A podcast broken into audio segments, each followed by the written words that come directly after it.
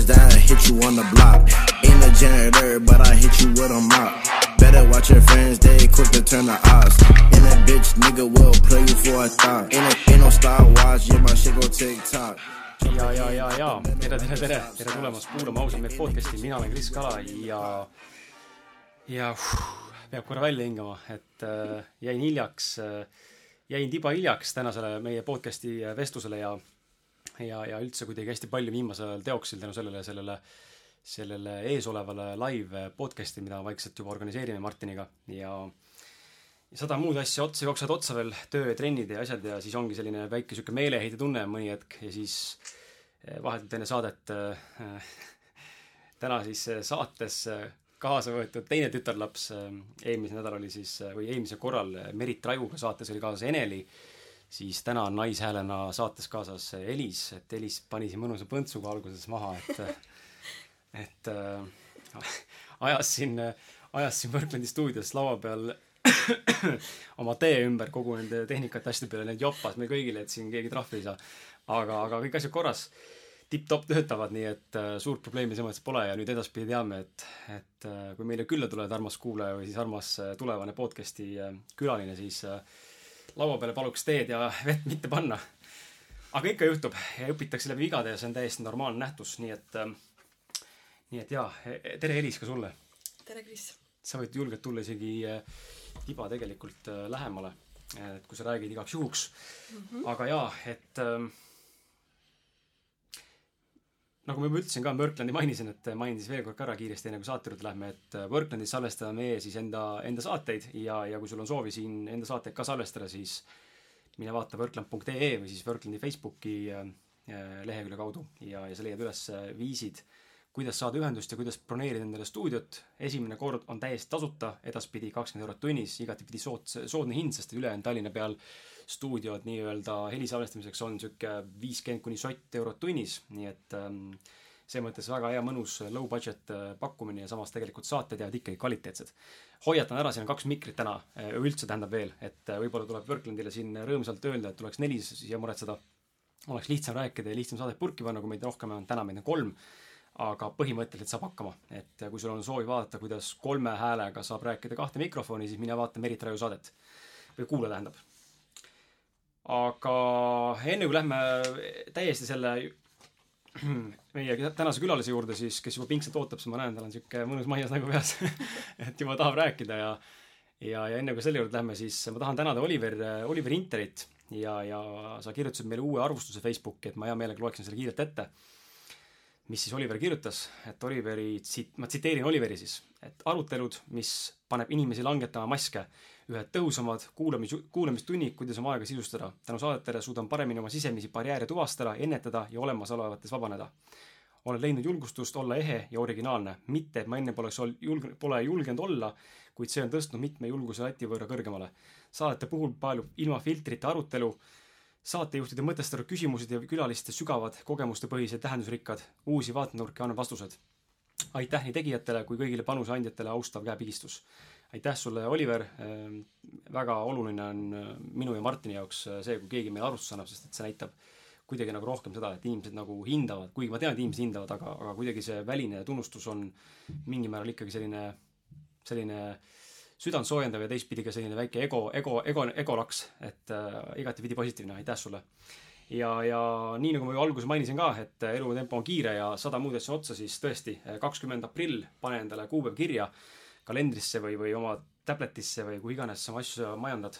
kakskümmend aprill kell algusega kaheksateist null null kuni kakskümmend üks kolmkümmend on meil siis äh, hetkeseisuga Hotell Euroopas ausad meeste live podcast äh, Vol kolm ja külaliseks on siis äh, hüpnoterapeut, täp-, täpsustades siis Eesti nõutuim ja, ja ilmselt ka täna võib-olla siis tuntuim hüpnoterapeut Ants Rootslane, kes on ainult kahekümne nelja aastane. et hämmastav noormees ja, ja tule kindlasti kuulama. ja pealkiri kannab siis hetkel, äh, üritus tähendab, kannab pealkirja Kannatustest vabaks. ja meil, eestlastel, on ju omane kannatada. Äh, muud ei oska teha, ainult kannatada, nii et tuleme siis, saame vabaks nii, aga kes on Elis? Elis, kes sa oled? lühidalt ja põgusalt, miks sa täna siin oled, sellest me siin ei räägi, nii nagu Eneli puhul ka me ei räägi, miks sa siin oled. see on põhjusega, see selgub mõne, mõne saate pärast. aga kes sa oled ja, ja mis toimub? niimoodi lühidalt um,. võib öelda, et elulooja ja väga aus ja uudishimulik äh, inimene. väga hea, sellest piisab uudishimulikkus meile meeldib. Aga täna on külas mul Henri Rohtla, kes on siis tippsportlane ja tegelikult täpsemalt siis äh, taiboksja, on õige termin öelda tema kohta, et äh, taiboksi, kick-poksi erinevusest kindlasti räägime, mina tänaseks juba õnneks tänu oma põgusale treeningule mõned aastad tagasi taiboksi klubis juba tean, mis erinevus on võib-olla küll väga detailselt mitte, aga, aga võib-olla kindlasti võib-olla meie seas või teie seas inimesi, kes ei tea, mis nende vahe on, siis sellest kindlasti räägime. ja ja Henriga on niisugune huvitav lugu, et me tegelikult oleme Henriga üritanud siin äh, kokku saada, ma arvan, üks peaaegu pool aastat. Ikka täitsa piinlik ja, ja mõne külasega ongi niimoodi, et äh, mul on veel õhus, meil on tegelikult veel õhus Nete Tiitsaar, luuletaja, ja, ja tegelikult on ka Asse Sauga, kes on krüptoliidu esi, asemees või esimees või mis iganes president. et lihtsalt mõned saated lihtsalt jäävad venima äh, mis iganes põhjusel, kas pole tunne õige, pole emotsioon õige, ei tule küsimusi või, või ei sobi, ei sobi nii-öelda graafikud kokku, see on täiesti okei okay., ma arvan, et elus üldse niimoodi, et no vahel lihtsalt on ja vahel lihtsalt ei ole. ja, ja noh, see, et me täna istume siin ikkagi, ju siis see täna pidi juhtuma ja, ja täna tundub mulle juba isegi loomulikum, kui võib-olla tollal oleks teinud seda. et äh, asi, asi voolasid lihtsamalt ja, ja asjad on nagu mõnusamalt kulgenud. nii et jaa, eh, tere tulemast, tere tulemast stuudiosse, Henri! tervist! kuidas on, kuidas on see meeleolu? no kergelt ärev on olla, et äh, pole sellist asja varem teinud ja ja, ja ma arvan, et äh, sihuke, võtab sihuke pool tundi aega, kui siin täiesti vabaks saab lasta ennast, aga aga ma usun, et saame hakkama ja saab sihuke mõnus jutuajamine olema. mulle väga meeldib, et su hääl äh, õrnalt väriseb mulle väga meeldib see, sellepärast et mul, minul on täna lihtne siin olla, ma olen sada seitse episoodi salvestanud ja mul oli alguses ka raske. ja Elis on täna ja, esimest korda meil. ma olen, mul on ka esimene et äh, saate mõlemad koos väriseda heas mõttes, et see on normaalne, see on täiesti okei okay,, sest et me niimoodi rääkides me teame, kuhu see lõpuks läheb, inimesed kuulavad seda, see pole küll laivis, see teeb asja lihtsamaks. Eh, alati saab välja kärpida mingid täiesti mõttetud seosed laused, mis me ütleme, aga tihtipeale me ei tee seda. jätame meelega sisse ja, ja siis et ikkagi on see teadmine, et ahaa, kõik hakkab kuulama, kas ma räägin normaalselt, kas mu eneseväljendus on normaalne, kas mu diktsioon on korras, kas ma üldse räägin loogilist juttu, see on täiesti normaalne, nii et no pressure ja võtan sinu enda sõnast kinni, mis sa ütlesid siin enne, kui meil siin äpardus juhtus, et hingame sinna rahulikult niimoodi nagu yeah. et kõik on nagu okei okay.. kümme korda sisse-välja ja tegelikult. siis saab selle hääle vast korda ka absoluutselt. aga lähmegi, lähmegi, anname sulle selle sõna ja, ja räägi enda häälepaelad siis sellest äh, värin-, heast mõnusast värinast puhtaks, et et äh, räägi, räägi oma väikest teekonda äh, nii tai-poksini kui ka selles, kus sa üldse, kes, kes sa täna oled, noh, miks ma mainin tai-poksist, et täna on see väga sul äh, ütleme, põhifookus nii-öelda oma tegevusalas, vähemalt spordi mõttes. et räägi, kes sa oled ja, ja kuidas sa oled kujunenud siis selliseks inimeseks, nagu sa täna oled, niisugune kümme-viisteist minutit, kui sa tahad pikalt rääkida, ja, ja oma verstapostid ja sellised milstoned, et mis on sind kujundanud ja, ja mis, kes, kes üldse on Henri Rohtla mm? -hmm. no põhimõtteliselt olen sündinud Tallinnas, alustame täitsa algusest, ja esimesed äh, kuus, kuus-seitse eluaastat elasin Lool äh, linnuvabrikus, äh, teada-tuntud siis kunagi omal ajal niisugune pahade inimeste grupeering, aga noh, mina olin sellel ajal väga noor ja ei saanud midagi sellest aru ja mingil ajahetkel siis kolisin sealt ära, kolisin Mustamäele, elasin äh, seal ühe aasta, läksin esimesse klassi Tallinn, Tallinna Saksa Gümnaasiumisse. Ja siis äh, põhimõtteliselt sai ka kõige esimene nii-öelda spordipisik võib-olla nagu minuni, siis äh, läksin käsipallitrenni. et ma tean, et sa oled ka mänginud käsipalli vist või? mis äh, klubis sa mängisid? ma tõesti ei mäleta, aga ma mäletan, et ah, äkki see oligi loo, lool oli oma mm, ei, see oli okay. kuskil ikkagist äh, Mustamäe või kuskil siinkandis. võis olla Siili või? Siili võis küll olla. Siili palliklubi? jah, ma mäletan, et kas äkki Uku oli treener. Uku, jah ja ta on vist koondise treener olnud kunagi või, või igal juhul tema pojaga me nagu bondisime väga hästi ja alati olime nagu ühes meeskonnas ja isegi kuskil äh, äh, käsipallilaagris sai käidud noorena, et, et, äh, et see oli nagu esimene trenn, mis põhimõtteliselt kunagi nagu sai tehtud. ja siis ma kolisin ära Mustamäelt, kolisin Keilasse ja ma kolisin sellisesse kohta, kus mul maja ees oli jalgpalliväljak. tol ajal siis jalgpalliväljak oli selline, et meil olid telliskividest väravad ja oli muruplats, ja siis olid seal keset muruplatsi olid veel puud ja noh, nagu ikka, et ei ole niimoodi, et nagu tänapäeval on, et on kunstmuruväljak, kõik on väravad, võrgud ja on ainult minna ma pean siin äh, korral täpsustama, saad aru, see on nii haige kuulata seda tegelikult, et see vist ongi üle Eesti meie üheksakümmend üks ja üheksakümmend kaks ja selle ajastu mm. inimeste nagu, äh, nagu minevik.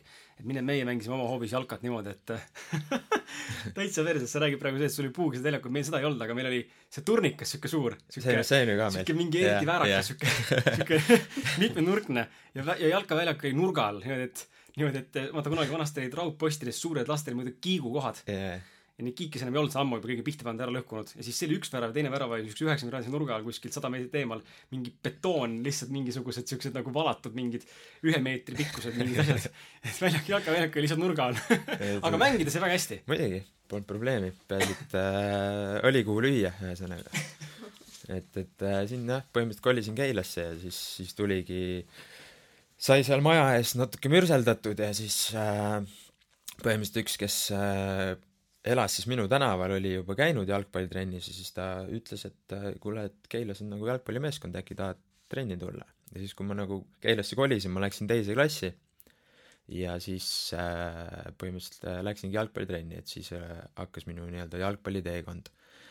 mängisin põhimõtteliselt peaaegu kümme aastat järjest äh,, väga isegi edukalt, et äh, noorena sai palju väravaid löödud ja olla, olla, olla nagu pigem nagu säravam mängija ja, ja mingi hetk siis äh, lõpetad üheksanda klassi, siis hakkab niisugune põnev aeg elus, vaata, kus kõike tahad proovida ja igast muud ahvatlused ja ja, ja siis, siis oligi nagu see, et trenn oli nagu niisugune, ma ikka tegin, aga ei olnud nagu number üks. ja aga nagu tulemused olid ikka head, et sai nagu selles mõttes olla ikkagist meeskonnas põhimees. ja siis mingi hetk nagu tundsin, et see nagu veits ammendas ennast, et äh, meeskonnamängus on sul üksteist meest, kellest kõigest sõltub. ja ma tundsin, et ma tahaks proovida individuaalsporti. ja siis äh, läbi siis nagu ühe mu hea sõbra, Tanel Viik, kes siis äh, oli ka niisugune fanaatik ja boksi mõttes, et äh, temale nagu siis pakkus see huvi ja siis me nagu omavahel, sest noh, ikka, kui sul sõber midagi teeb, siis see ka nagu hakkab sulle külge ja siis sai nagu proovitud boksitrenni ja väga meeldis, et see oli nagu reaalselt selline trenn, mida ma ei olnud kunagi tundnud, et ma peale poksitrenni lähen trennist ära, ma tunnen, et ma olen üleni väsinud. et kui ma lähen jalkatrennist ära, siis mul võib-olla jalad väsinud ja ma saan võib-olla kopsule rohkem, aga ülejäänud, noh, eks muidugi, kui see tase on kõrgem, siis te tegeletakse kogu kehaga. aga et poksitrenn oli nagu nii tervik mu jaoks ja ma alati tundsin peale seda trenni nagu ennast nii hästi, et see oli niisugune mõnus, üleni väsinud olla. et sai siis seda trenni proovitud ja hakkas nii-öelda maitsma ja siis siis äh, sai siis põhimõtteliselt jalkast loobutud. Äh, tegin tai-boksi Keilas siis äh, põhimõtteliselt polnudki veel klubi. me tegime trenni no ütleme sama suures ruumis kui see, aga kolm korda suurem, ehk siis noh, sihuke mhm. viis korda kümme meetrit ruum. me tegime seal kaheksakesi trenni, esimesed nii-öelda, kes olid fanatid, siuksed koos et Mirko Moisar elas tol ajal Hispaanias, ta tuli Eesti ja siis me hakkasime nagu, et davai, teeme trenni, kus me teeme, saime noortekeskuses mingi väikse, väikse ruumi, panime sinna kotid püsti, hakkasime trenni tegema. korra täpsustan vahele igaks juhuks, et äkki oskad sa öelda niimoodi põgusalt, kes on Mirko Moisar, võib-olla keegi ei tea äh, nagu...? Mirko Moisar on siis äh, ma arvan, et üks tuntumaid Eesti kick-poksijaid, tai-poksijaid on pidanud, ma arvan, üle kui ma ei eksi, siis saja kahekümne matši ja võiduprotsent on seal julgelt seitsekümmend, kaheksakümmend protsenti, et äh, väga nagu edukas äh, võitleja juba väga noorest saati. ka temal on jalgpallipõhi all, et äh, ja ma tean, et ka Maicel Astur on kunagi mänginud jalgpalli, et et see võib olla heaks eeliseks siis võib-olla just tugevate jalgade ja mingil määral ka koordinatsiooni suhtes aga võib-olla sa täpsustad, mis on siis nagu kuulajatele ka, et mis on tai-boksi ja kick-boksi vahe, et võib-olla nad ei tea kõige suurem vahe on, on siis reeglite poole pealt, et seal ongi see, et tai-boksis on lubatud püsti maad, maadlus ehk klints, kus siis äh, võib seal vastast heita üle jala ja õla ja, ja mitte selliselt nagu judos, et sa viskad üle nagu, nagu otseselt õla, aga nagu niisuguste kergete heidetega samamoodi käib seal niisugune sidumine ja kui sealt on kuskilt võimalik lüüa, siis äh, on mängus ka küünarnukid ja ja võib põlvega siis lüüa mitu lööki järjest, võrreldes siis kick-poksiga, kus on lubatud ainult üks põlvelöök järjest ja ei ole püsti maadlust et need ongi nagu põhimõtteliselt reeglid äh, kõige suuremad nagu vahed Tai-poks on, võib öelda siis, et tiba nagu brutaalsem. äh, võib jah öelda aga samas on jälle see et äh, mida nagu puhtam on mõlema võitleja tehnika seda nagu vähem on seal niisugust mm. -hmm. toorest rapsimist ja see nagu näeb reaalselt hea välja et äh, miks Eestis on väga vähe nagu tai-boksi matse, vaid on enamus just kick-boksi matse, ongi see, et äh, seda puhast tehnikat on niivõrd vähe meil. et äh, olen ise kaks korda Tais käinud, et seal on äh, hästi palju seda püstimaadlust kasutatakse treeningutel päris palju, et äh, sul ongi nagu noh, kui ma nüüd viimati käisin, siis oligi niimoodi, neli raundi oled koti peal, neli raundi teed sparringut, neli, neli raundi oled lapadel, neli raundi klintsid. ja niimoodi siis põhimõtteliselt iga päev, et see on nagu kindel osa. meil enamustes treeningsaalides ütleme niimoodi, et on hästi palju poksipõhi, nagu poksipõhjaga treeninguid, siis lisaks siis äh, jalg, jalgadele. aga sa ise pigem eelistad äh, tai-boksi? Äh, täpselt ei oskagi öelda, et kunagi noorena mulle ei meeldinud, samamoodi see klints on niisugune ebamugav asi, kui su vastane on osa sellest, siis sa oled seal nagu kaltsunukk ja käid edasi-tagasi, et et, et, et see ongi see, et kuna meil nagu reaalselt võetakse nii vähe seda nagu treeningutes sisse, me kindlasti muudame seda, kui ma olen treener ma samamoodi üritan seda viia nagu edasi rohkem aga et jah, et kuna see nagu on niisugune kergelt ebameeldiv, kui sa ei oska seda piisavalt hästi, siis, siis, siis nagu mulle meeldis rohkem kick-poks ehk ka ühe stiil, et seal on rohkem niisugust stand-up fight'i. aga nüüd, kui edasi minna, siis oligi, et tegin kaks aastat äh, väga kõrgel tasemel trenni, korra isegi treenisin ennast nii üle, et äh, noh, kui sa Eestis tahad spordiarsti panna, siis sa paned selle pool aastat ette, et siin on järjekorrad nii pikad ja mul oli siis kunagi ammu pandud, vahetult enne seda me tegime põhimõtteliselt suvel siis Keilas treeninglaagri. ja ühesõnaga tegime kaks korda päevas trenni, hommikul jooks, läksime saali, tegime kümme raundi kotti, mitusada kõhulihast ja läksid koju, sõid riisikana ja õhtul panid jälle edasi ja oli teine trenn. ja, ja siis äh, treenisin üle ennast ja siis oligi selline, jäin haigeks ja siis tuli spordiarst ja ma läksin spordiarsti juurde, siis ta hakkas mulle nii-öelda noh, pannakse need jubinad külge, tehakse koormustesti ja siis põhimõtteliselt mingi viie minutiga oli pulss täiesti punases ja küsis, et et milles asi on, et paistad heas vormis olemas, olevat, et nagu miks selline teema, et palju sa trenni teed, siis ma lugesin talle ette, et näed, nii, nii, nii, nii palju ja siis ta ütles, et hull oled, et niimoodi ei tehta trenni, et igas treeningkavasse kuuluvad ka nii-öelda puhkepäevad, taastumispäevad, et sa ei saa olla nagu segane, et, et kordagi ei puhka. Ja siis äh, sai äh,, ütles, et okei okay,, võtame sult verd, võtsid mult verd ja siis tuli välja, et mu rauatase oli kolm korda alla normaalse, ehk siis see ongi täiesti selge viide sellele, et ma olin üle treeninud ennast. Ja, ja siis äh, hakkasin õigesti treenima, sain õiged vitamiinid peale ja siis äh, pärast seda nagu tulemused muutusid kohe. Ja siis mul tuli mats, mis on siis kolmteist märts kaks tuhat üksteist ja ja mul läks see mats hästi, ma võitsin, aga juhtus üks suur vigastus, ehk siis mul läks matsi ajal jalaluu katki. ja kõige haigem selle asja juures on see, et äh, ma läksin kohe peale võistlusi traumapunkti, tehti jalast pilti, öeldi, et äh, jalg on korras, pane külma peale, kõik saab korda, paistus läheb alla. no mul jalg oli nii paistis, et ta läikis. põhimõtteliselt noh, nahk oli nii pingul.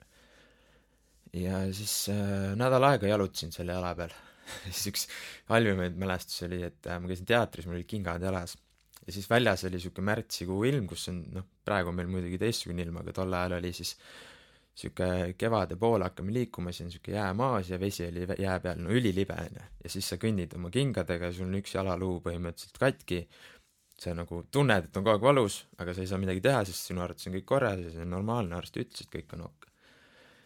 Ja siis ma libisesin kuskil niimoodi, et no lihtsalt no nii valus, et see nagu ongi mul väga nagu tiibilt meeles, et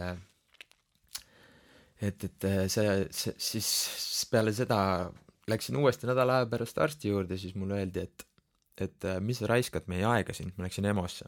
et äh, alles nädal aega tagasi käisid, meil on nii palju inimesi bla, bla, blablabla.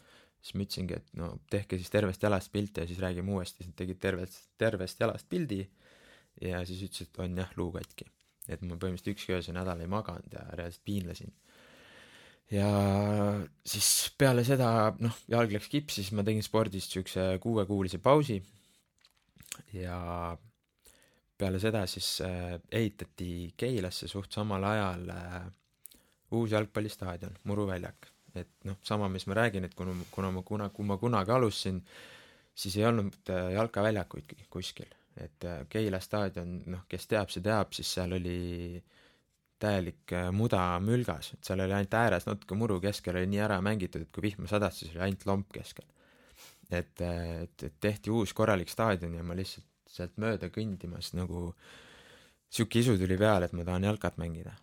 et ja tol ajal olid just need vanad nii-öelda kutid kokku tulnud, kes nagu kunagi mängisid ja meeskond oli väga hea ja siis ma poole, poole hooaja pealt nagu liitusin, et tahaks uuesti jalkat mängida, lihtsalt oma jaoks. ja siis äh, õnnestus see päris hästi, mul vist oli kahekümne mänguga äkki peaaegu kolmkümmend väravat ja, ja siis aga noh, kogu see feeling, mis sa saad, kui sa oled eluaeg mänginud halval väljakul ja sa saad lõpuks mängida Mm. heal muruväljakul, eriti kui tehakse uus väljak, muruväljak, see esimesed kolm-neli aastat on see tipp, vaata, et see on nagu reaalselt väga hea. ja siis see nauding, mis sa sealt saad, et ja see, kui sul läheb hästi ka, et see on, see oli nagu see, mida taga ajasid. ja siis, siis nagu jälle mingi hetk nagu ammendas ennast, ma hakkasin tööl käima, töö kõrvalt siis mängisin veits jalkat boksi tegin niimoodi vahepeal, vahepeal käisin, vahepeal ei käinud, nagu ma ei võtnud enam seda asja nii tõsiselt, mul lõi see trauma nii-öelda veits rivist välja. ja siis äh, mingi hetk nagu sain sellest äh, nii-öelda sellest parakast või sellest üle, et äh, et noh, see sport ongi selline, asjad juhtuvad ja et kui see nii-öelda selline vigastus lööb mu reaalselt maha, et siis ma olen nõrk nagu. et äh, ole tugev, ole mees ja tee edasi, vaata. ja siis äh, oligi see, et mõtlesin, et lähen uuesti poksima et äh, ja siis oli, ma hakkasin juba poksitrennis käima, läksin treeneri juurde, Mirko oli siis treener tol ajal veel Keilas, et äh, ma hakkan nüüd uuesti poksima ja korralik trenni tegema ja et et noh, varsti näete mind jälle ringis. ja siis vahetult enne seda siis äh, minu jalkatreener helistas mulle, ma olin sõbra juures, et kuule, et meil on siin FC Levadia duubelmeeskonnaga sõpruskohtumine, et kas sa tahad äkki mängima tulla.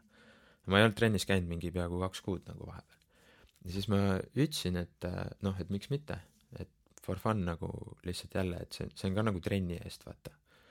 ja siis äh, läksin sinna mängule, mäng läks väga hästi, me võitsime vist neli-kaks äkki, täpselt ei mäleta, igal juhul ma lõin värava kolm tükki ja andsin ühe väravasöödu, et nagu hästi läks mäng minu suhtes nagu. ja peale seda siis noh, tavaline päev, elu käib edasi, siis üks hetk nagu minu treener uuesti helistab mulle, et kuule, et äh, FC Levadia duubli nii-öelda peatreener Argo Arbeiter tahab sind nagu enda meeskonda, et mis sa arvad sellest? ma olin nagu, hakkasid käed värisema, olin siuke, oo, et mis asja, et keegi nagu märkas kuskilt, mis on nagu mingil määral olnud siuke alateadvuslik sisim soov, et kui jalkas kuhugi jõuda, siis noh, ilmselgelt ma pean minema Tallinnasse kuhugi trenni, aga mul ei olnud noorena sellist, endal sellist nii-öelda tuhhi või sellist äh, sellist nagu pealehakkamist, et ma nüüd lähen suvalisse meeskonda kuhugi ja nüüd ma, et kas ma olen üldse seda väärt, vaata. ja siis, ja vanemad samamoodi mul ei olnud nagu sellised push ijad, et kolmteist kuni kuusteist on tegelikult see aeg elus, kus vanemad peaksid nii-öelda kätt pulsil hoidma, aga samas mitte nagu üle piitsutama, sest me teame väga palju neid talendikaid noori, kes, keda piitsutatakse üle ja, ja neil lihtsalt saab saiapall nagu mm, -hmm. et et, et ja siis ma ütlesin davai, teeme ära, läksin Mirko juurde, ütlesin kuule, et selline pakkumine tuli ja et ma ei saa ei öelda, et ma tahan proovida, et kui mind kutsuti sinna, siis mul on mingi šanss nagu jalgpalluriks saada. ta ütles davai, kõik chill.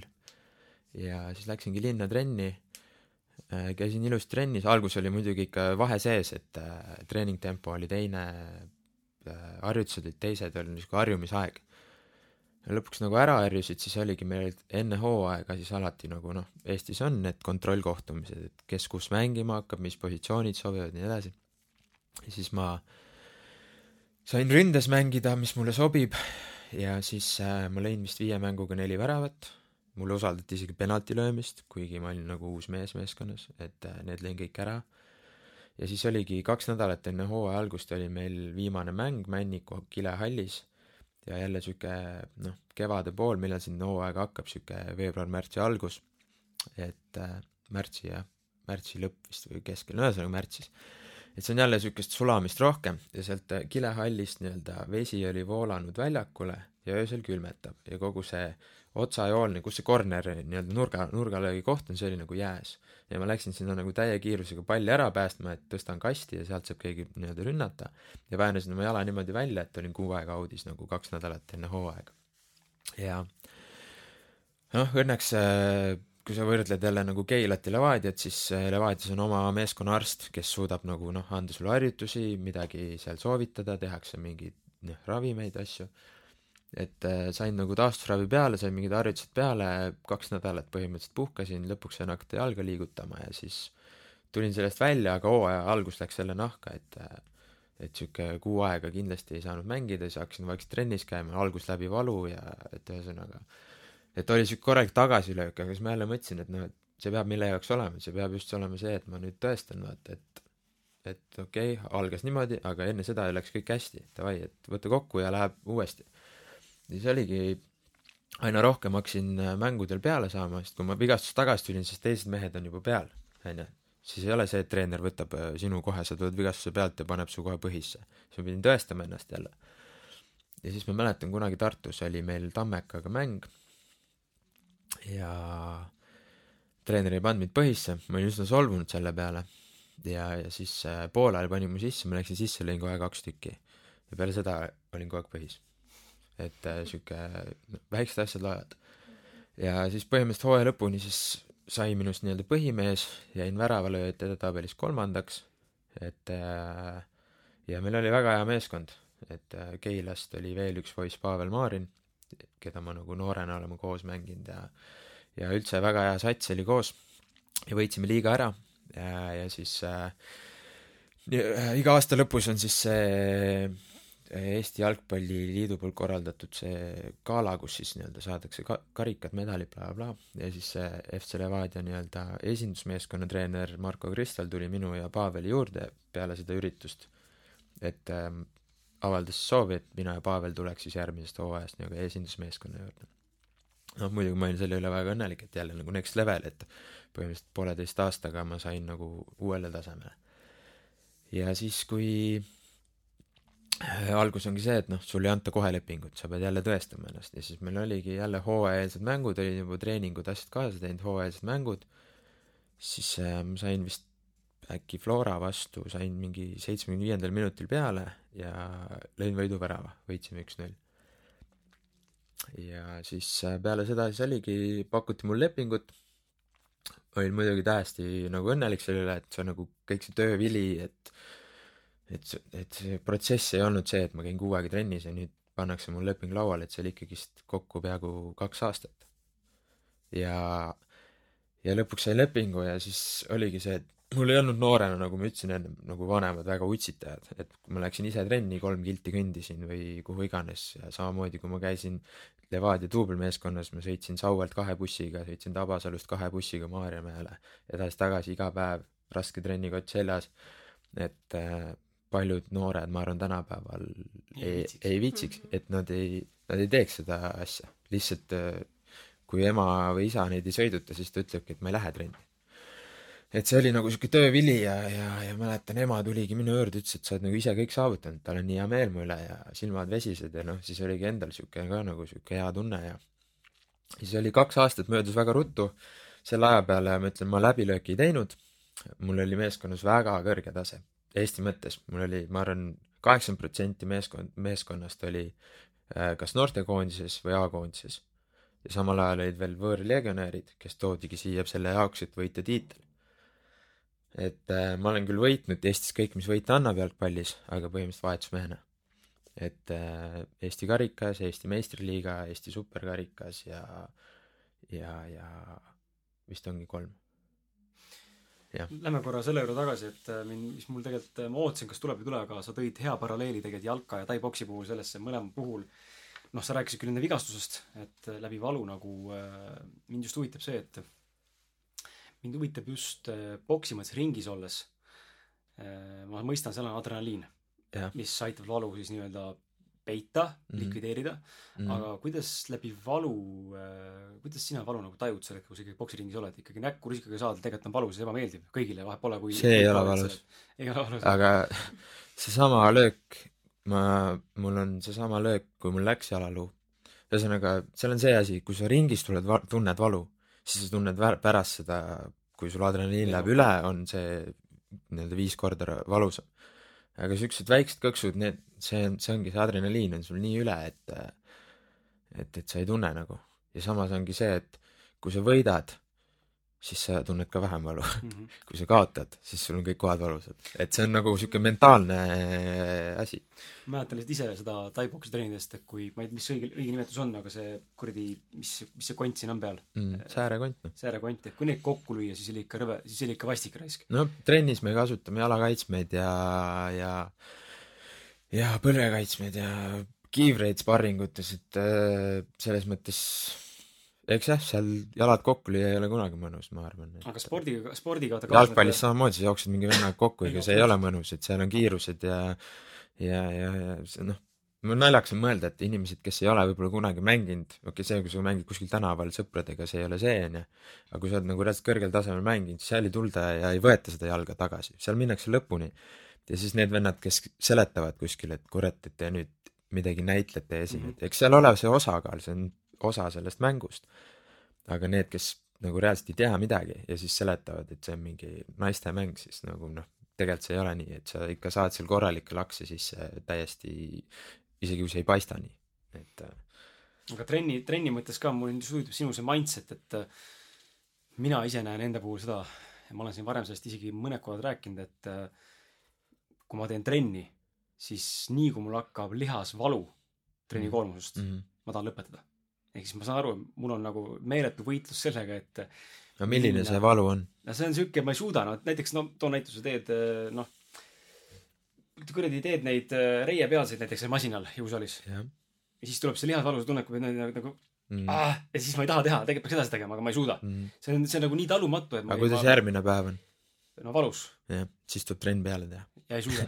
peab. aga ma See- ongi see- mindset, et kuidas sa sellest nagu läbi lähed sellest valust. sealt, sealt äh, ma ei tea jah, eks see on sihuke enda sissevaatamine, et äh, sa pead, et äh, mina läbi oma nii-öelda aja olengi lihtsalt oma keha nagu tundma õppinud, et kui ma ei tee trenni peale, siis mul on veel hullem ülehomme. Kui ma teen trenni peale, see ei tähenda, et ma nüüd panen samamoodi, ma ei tea, tegin eile kükke, onju, nüüd lähen äh, järgmine päev teen uuesti, ma ei tea, veel suuremate raskustega või sama raskustega, ma lihtsalt lasen lihase soojaks, teen lihtsamaid harjutusi, aga panen vere käima, et see Mhm. nagu leevendab mu seda nii-öelda neid piimhappeid ei koguni lihastesse ja nii edasi, et see nagu trenn peale on igal juhul parem kui see, et sa istud diivani peal ja ei tee midagi. et aga jah, see on see enda sisse nii-öelda, pead push ima. Minu arust kõige raskem on äh, kodust välja minemine. trennis juba oled, siis ei ole enam midagi, et äh, see, et ma kodust nüüd panen asjad kokku, davai, ma lähen, et see on, ma arvan, raske. sa mainisid, et äh, see treening väsitab sind ära, et mida täpselt sisaldab, sisaldab see üks treening, mis tegevused seal on see sõltub jälle, mis treening on, on mm. -hmm.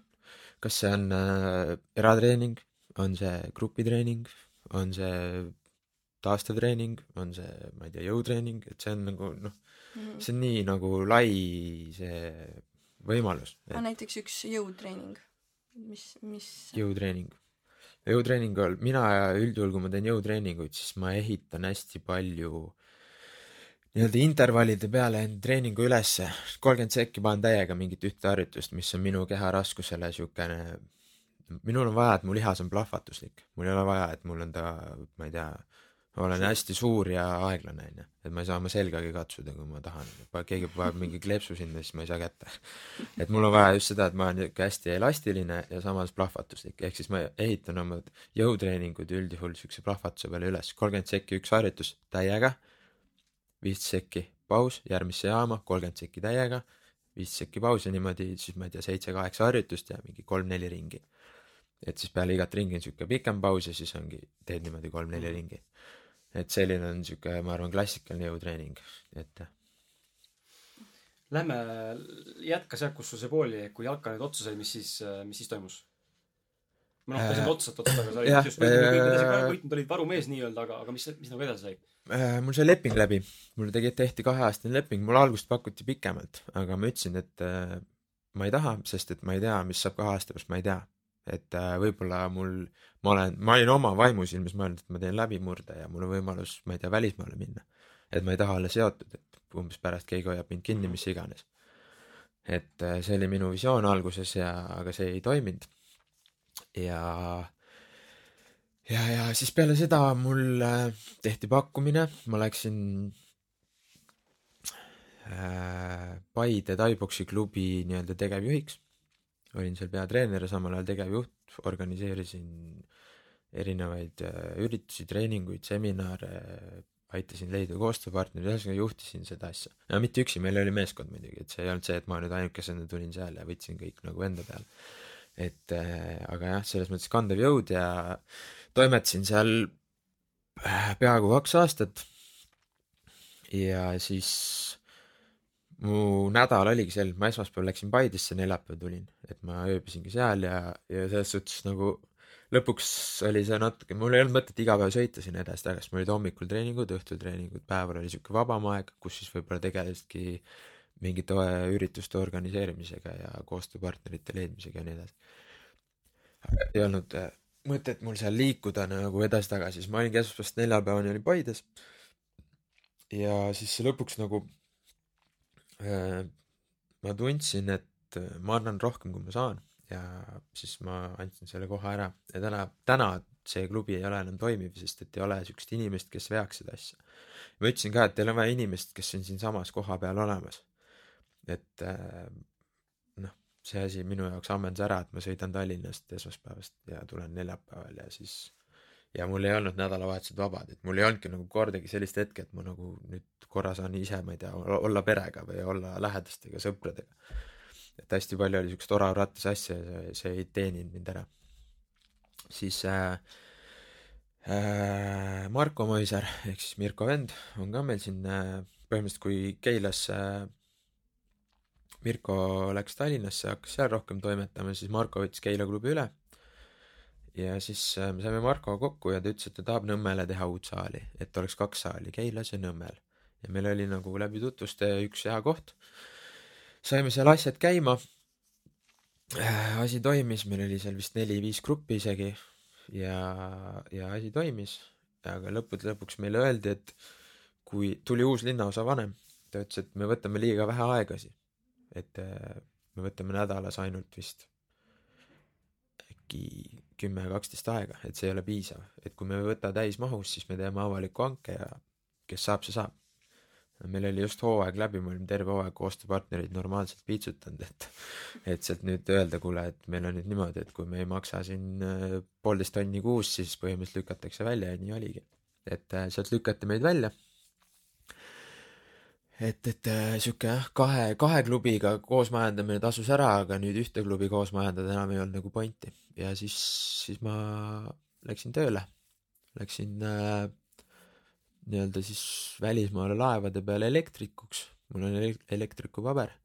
et see oli nagu kunagi koolis õpitud ja nagu oligi back-up plan, kui ma ei löö spordiga läbi. ja, ja siis tegin seda tööd, ütleme sihuke kolm-neli kuud. Täitsa okei okay,, raha saab väga hästi, aga mis on, on see, et äh, saad jälle ära kodust, kaks nädalat oled ära, kuu aega oled ära, kolm nädalat oled ära, tuled tagasi, selles mõttes elu oli lill, aga ma tundsin, et minus on veel seda noorust, minus on veel seda soovi, et äh, just seal tööl olles, sa oled kaksteist tundi iga päev tööl. sa oled nii palju omade mõtetega seal, kus sa jõuad mõelda ja mul jõudiski kohale, et ma tahan veel sporti teha. Et äh, ma tulen Eesti, ma leian võimaluse, kuidas ma saan. Ja kuidas ma teen, mul oli natuke mingi back-up money. Ja, ja siis tulin Eesti, leidsin endale siin töökoha, leidsin endale siis äh, klubi, kus ma saan trenne anda. Ja läbi selle siis niimoodi vaikselt olen nagu sisse söönud siis Eesti nii-öelda, noh, siis nüüd Tallinnasse Kevin Renno võitlusspordi akadeemiasse, kus siis ma täna trenne annan. ja et suvel oligi, ma tulin äh, laevade pealt ära ja leidsin endale töö Eestis ja tegin noh Tallinnas seda tööd põhimõtteliselt. Oligi elektrikutöö samal ajal ja andsin trenne peale tööd. Ja siis ma mingi aeg tundsin jällegi et see nagu elektrikutöös ei ole nagu piisavalt tasuv. Et kui ma nüüd ma ei tea võtan endale grupid trennid ja annan eratrenne ma teenin sama palju. Ja teen seda mis mulle meeldib.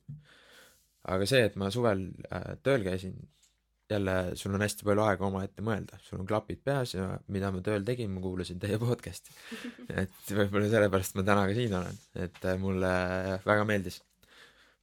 ja siis äh, täna ma siis olengi treener Kevin Renno Võitlusspordi Akadeemias ja ja kui nüüd ma olen selles asjas nii palju nagu rohkem sees kui varem, siis nüüd mul nagu tekkis ka soov, et minna uuesti ringi, et see viimane matš mul Eestis oligi kaks tuhat üksteist, kolmteist märts, millest ma ennem rääkisin et vahepeal, kui ma Tais käisin kaks aastat tagasi, siis ma tegin seal matši. aga minu jaoks on see nüüd, mis tulevasel nädalavahetusel tuleb nagu võimalik, et isegi tähtsam, sest see on nagu nii-öelda comeback siis Eesti nii-öelda maastikul mm. -hmm. huvitav on see tegelikult, et vaata sa mainisid Olav Ratast, ma tegelikult tahangi näha või noh, kuulda, mis sa nagu mõtled sellest ka, et tihtipeale inimesed ei mõista tegelikult või noh, ühtepidi ei mõista seda, kui palju tegelikult on vaja ohverdada mingi asja saavutamiseks ja just see ohverdus kõlab nagu võib-olla negatiivselt mõne jaoks, aga mina mõtlen ohverduse all just seda, et sa pead oskama valida või teha valikuid. et kas või seesama näide sinu puhul, et kas teha kaheaastane leping või teha pikemaajane leping, see tegelikult on ka valik, mis tegelikult väga palju võib-olla mõjutas, et võib-olla tegelikult ka see, et sa tegid kaheaastase lepingu, tegelikult mõjutas ka nii-öelda siis selle pakkuja tegelikult juba tuleviku perspektiivi. Mm.. teab, et ahah, kaks aastat järelikult võib-olla huvitavadki yeah.. et või, või üldse nagu erinevad valikud, et ja, ja teistpidi jällegi see, et see ohvri, ohvri ohverdamise teema, et, et me elame orav-rattas mm.. me oleme valmis nagu ennast hävitama mm -hmm. iga päev tegelikult nagu raha nimel. raha nimel või mis iganes, mingi muu. no enamjaolt raha nimel. enamjaolt raha nimel on ju, mingi, mingi muu asja, pere arvelt ja muude asjade arvelt ja ja tunneme ennast sitasti vihkama, aga, aga me ei suuda nagu, me ei suuda nagu lahti rabelda sellest. aga see ongi see, et äh, paljud inimesed ei tea, mis on nende tõeline see nii-öelda sisemine gift või nagu anne või mingi asi. et noh, eks seda, see on täiesti normaalne, meie haridussüsteem ei toida seda, et sa leiaksid endas selle tugeva külje ja arendaksid seda ja teeksid seda, mis sulle reaalselt meeldib. et mina nagu leian, et kunagi see tai-boksi trenni minek, see on läbi selle mul nii palju ägedaid inimesi, tuttavaid tekkinud ellu, läbi selle ma olen täna see, kes ma olen nagu, et et, et, et inimesed jah, eks seal ole see materiaalne hirm taga, et kui sa nüüd lähedki töölt ära, vaata, ja nüüd sul on see, et mis saab, kui ma ei saa nüüd kaks kuud kuskilt üldse raha. paljud, paljudel ei ole sellist, ma ei tea, back-up money, et et kui ma nüüd kaks kuud tööl ei käi, siis noh, ei ole hullu veel. ma arvan, paljudel on päris juba, läheb kehvasti. nädalaga on juba noh, et võib, täpselt, et et see on nagu siukest bankrolli kellelgi nagu ei ole kuskil back-up'is, et nagu minna katsetada, et et, et proovida uida, uusi asju või leida enda see nii-öelda anne või asi üles, millega tegeleda, mis sulle meeldib ja läbi sellega siis sul ei ole tunne, et sa käid tööl ja ma ei tea, oled kakskümmend neli seitse orav-rattas. ja vaata, enne, enne kui sellise küsi-, küsimuse, ma seda küsida, tahtsin seda huvitavat öelda, et vaata, kui huvitav on see, et kui me saaksime koolis näiteks kehalise kasvatuse tunnis ütleme, toome näite, me oleme väga pädevad mm -hmm. ja õpetaja märkab seda mm. -hmm. ja nüüd mõtle, kui see oleks ainuke asi kaheteist aasta jooksul, mis sa teed, on kehaline kasvatus mm. -hmm. siis ma garanteerin, et sealt tuleks mingid tippsportlased mm. -hmm. aga meil lihtsalt nagu ütlesidki, noh, meil ongi, meil üritatakse tasakaalustada, aga tegelikult samal ajal ruineeritakse, nullitakse meie tegelikku talenti. jah. jah, sellega on jah naljakas lugu, et äh, ma just käisin massaažis enne, kui ma siia tulin ja siis ma rääkisin äh, ühe pikaaegse nii-öelda treeneriga tänapäeva noortest, et äh, kui, kui pehmed nad on. nagu ma ei, ma ei taha öelda, et see, see suhkruvati jutt ja kõik on nii vati sees elavad, aga see on reaalsus, noh. ma, ma annan samamoodi tunde lastele ja ma näen seda, kuidas tänapäeva noor ongi väga-väga nagu sihuke pehmene. lodev loode, et mm., et kunagi ma mäletan, mul oli kehaliskasvatuse tund või mis iganes competition, ma tahtsin olla hea.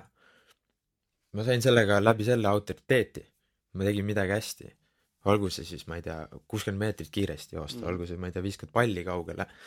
praegu mis iganes, keegi paneb kuidagi käntsa kuskil, siis kõik naeravad selle üle, mitte et nagu, et see, see on nagu lahe niipidi, nagu kuidagi on see asi pöördunud selliseks, et et mida kobam, seda lahedam umbes. et äh, see on äh, kahju, et see nii on, aga et see on tõsine.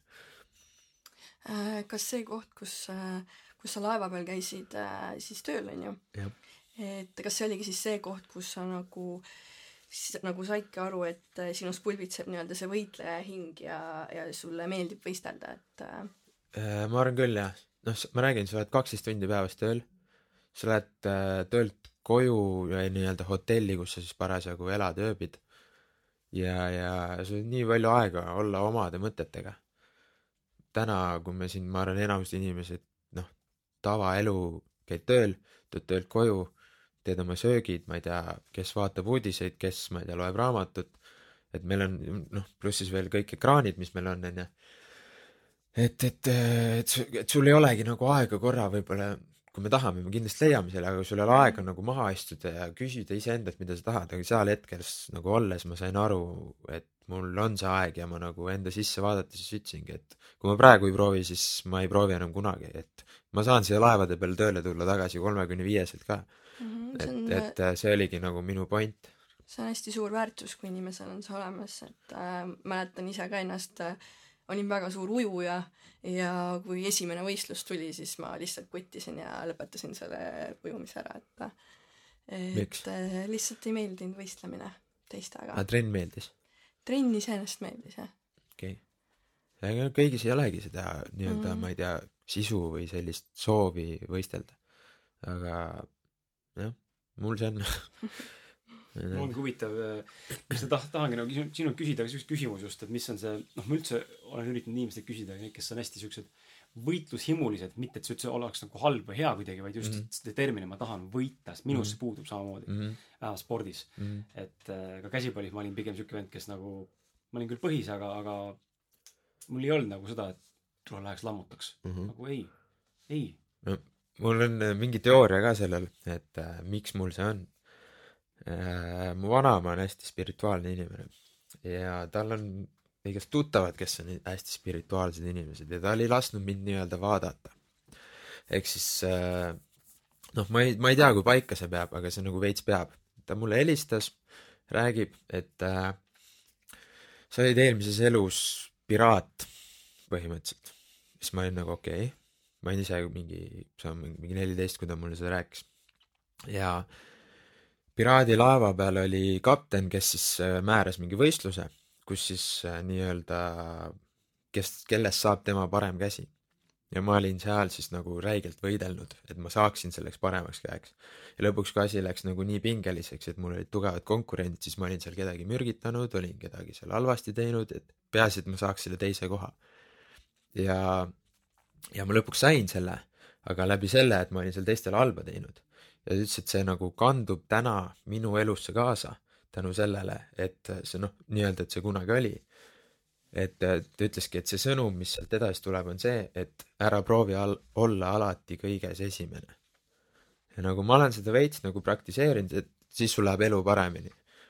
aga ma ei tea, mul kurat ikka on sees see, et mis, mis sa seda teist kohta ikka jahid, vaata. aga noh, ma sellest pointist sain aru, et ma ei pea kellelegi halba tegema selle jaoks, et ma peangi iseendale tõestama või iseendale nagu selle leidma selle, et ma, ma saan otse esimeseks, mitte et ma, ma ei tea, kedagi mürgitan, kellelegi halba teen ja mida iganes, et, et saada nii-öelda see esikoht. see on nagu tänases äh, kontekstis brändingu mõttes üldse nagu üldse lai-, vaata nagu laiemat pilti vaadata, et noh, umbes sarnane näide, et kui Apple ja Samsung on siin telefonitootjate mõttes nagu tipud, eks ole, siis selle asemel, et et, et asemel, et siis nagu oma tööd teha ja oma asja arendada, nad hakkaks välja sööma teisi Huawei'd ja muid vende Yeah, yeah,, yeah. hakkavad tehaseid maha Yeah, põletama ja edasi yeah. tegema mingeid absurdseid asju Yeah, yeah,, pigem ja pigem mulle tundub ka, et see mõte nagu, mis tahab edasi kanda, ongi siis see, et et, et võib-olla siin siis täna oled sa ka võitlushimuline, aga, aga teha seda selle pealt, et saada ise aeg paremaks, mitte nagu Just, teisi just. nagu likvideerida. täpselt jah, et keskenduda endale. täpselt.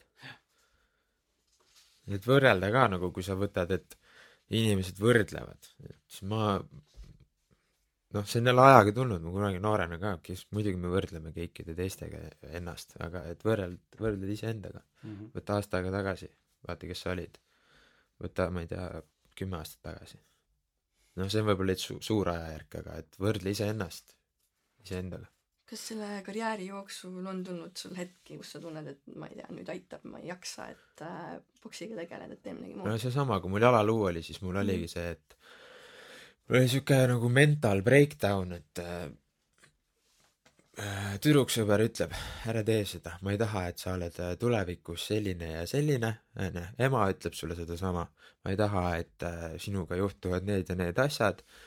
keegi nagu noh, tegelikult just lähedased inimesed, kes mu kõrval on, peaks tegelikult toetama sellel hetkel, aga oli siuke raske hetk, mul oli endal, kogesin põhimõtteliselt kõige valusamat nagu, ma ei tea, valu üldse füüsiliselt oma elus, nädal aega. Peale seda nagu läks asi üle. pluss siis see, et kuskilt ei tulnud seda toetust. ja see oli veel just sellel ajal, kui me läksime kroonist euro peale üle.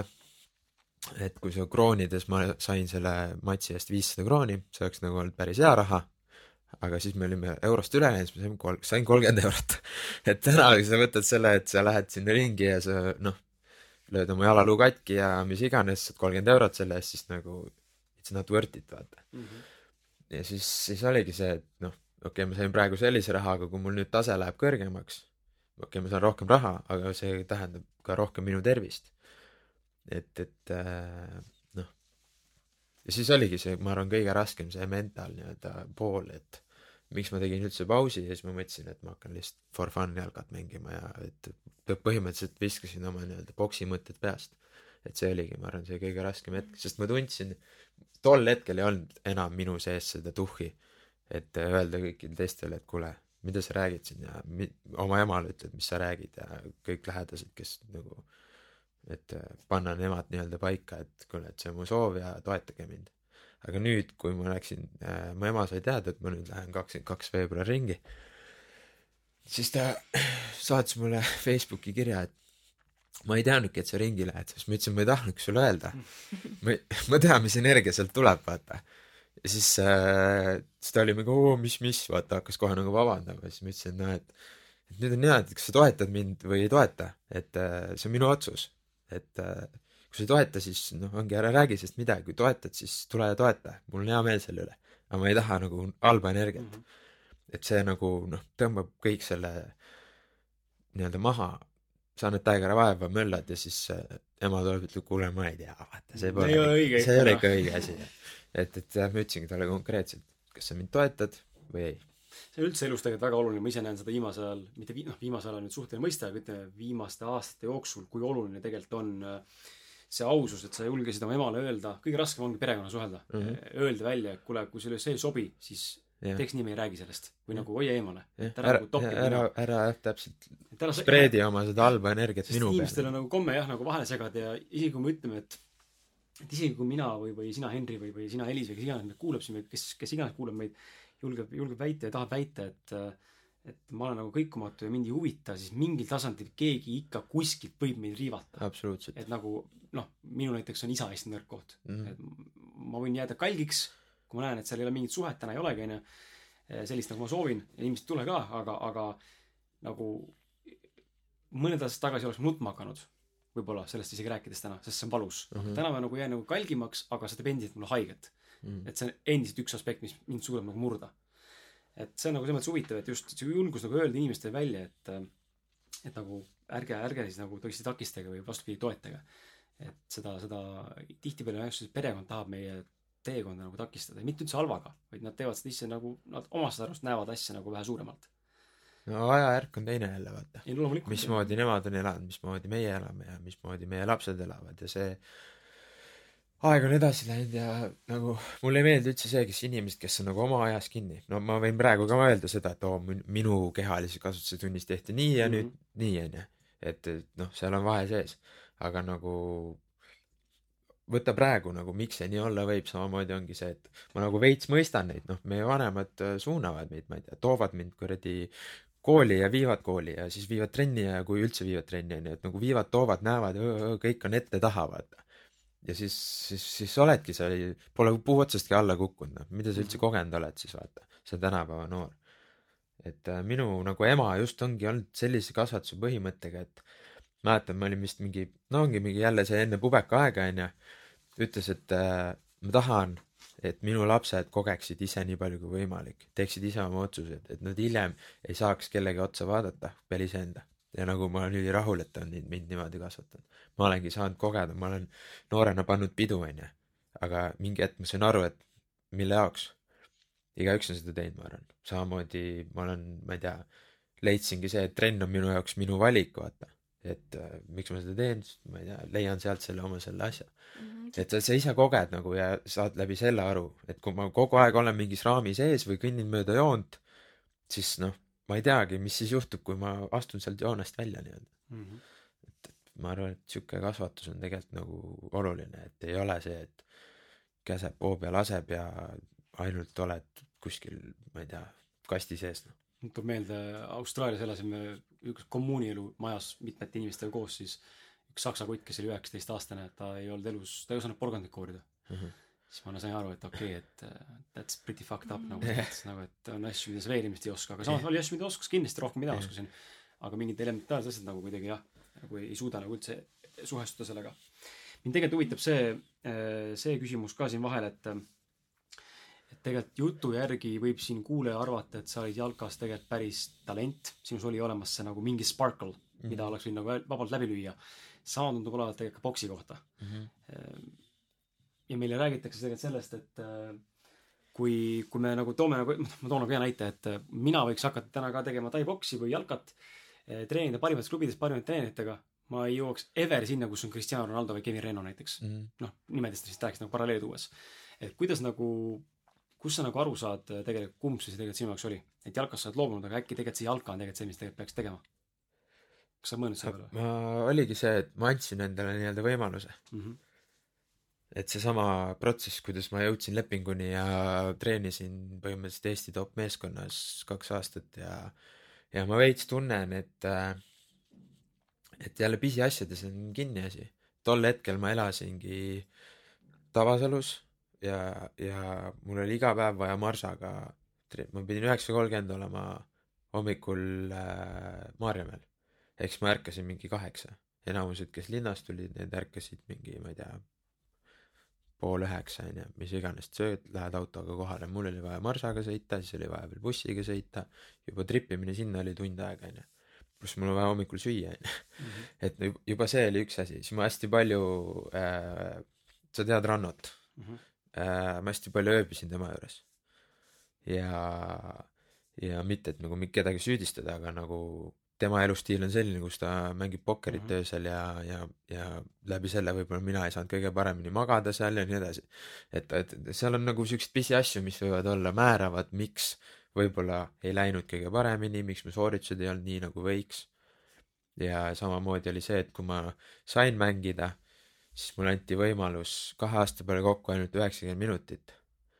ja ma nagu kunagi, kui selle lepingu ära lõpp, noh, lõppes ja ma andsin Sokkernetile intervjuu, siis ma ütlesingi, et et üheksakümmend minutit kahe aasta peale on ilmselgelt vähe, ma ei ole sellega rahul. et ma tundsin, et mulle tehti nii-öelda liiga sellega, et mulle ei antudki põhimõtteliselt võimalust ennast tõestada. mulle anti seal äh, kümme minti seitse minti, viis minti. mängujäägid. jah, et see lõpp, vaata. et mine nüüd sinna väljakule ja jookse lihtsalt, jookse lihtsalt tühjaks ennast, survesta kaitsjaid, kui nende käes on pall, lähed täiega nende peale, siuksed ülesanded. et nagu noh, millega ma tõestan ennast ja siis läbi selle nagu ongi mingi enesekindlus nagu kadus ja, ja treener ei usaldanud mind ja tekkisid siuksed noh, ongi lahkhelid ja siis ma nagu ongi see, et ma andsin endale võimaluse, aga nagu ma tundsin veits, mulle ei antud võimalust mm. -hmm ja kui nagu see lõpuks sai selgeks, siis mõtlesingi, et ega ma ei mõelnudki, et peale kui mul leping läbi sai, et, et, et, et, et nüüd ma hakkan tai-boksijaks. ma pigem olin see, et davai, ma teen treeneri tööd, arendan klubi, mida ma ka tegin, onju. ja läbi selle, kuna ma olin kogu aeg asjas sees, siis ma nagu veits tundsin seda, et nähes võistlusi ja asju, et kurat, ma saaks vabalt hakkama veel, kui ma tahaks. ja siis laevade peal tööl olles nagu käiski see klõps ära, et yes I can ja kui ma sealt laevadelt ära tulin, siis ma oma elukaaslasega rääkisime sellest, ma ütlesin, et mul on vaja su toetust. kui seda ei ole, siis, siis ma noh, ma ei saa teha seda lihtsalt. et, et kui sa oled nagu nõus, et ma proovin seda karjääri ja hakkan siin nii-öelda edasi rühkima, siis let's do it. et mul on olnud kogemus, kus siis nii-öelda kaaslane surub mulle peale, et talle ei meeldi, mida ma teen. tahangi, tahamegi jõuda selleni, et äh, võid ise küsida.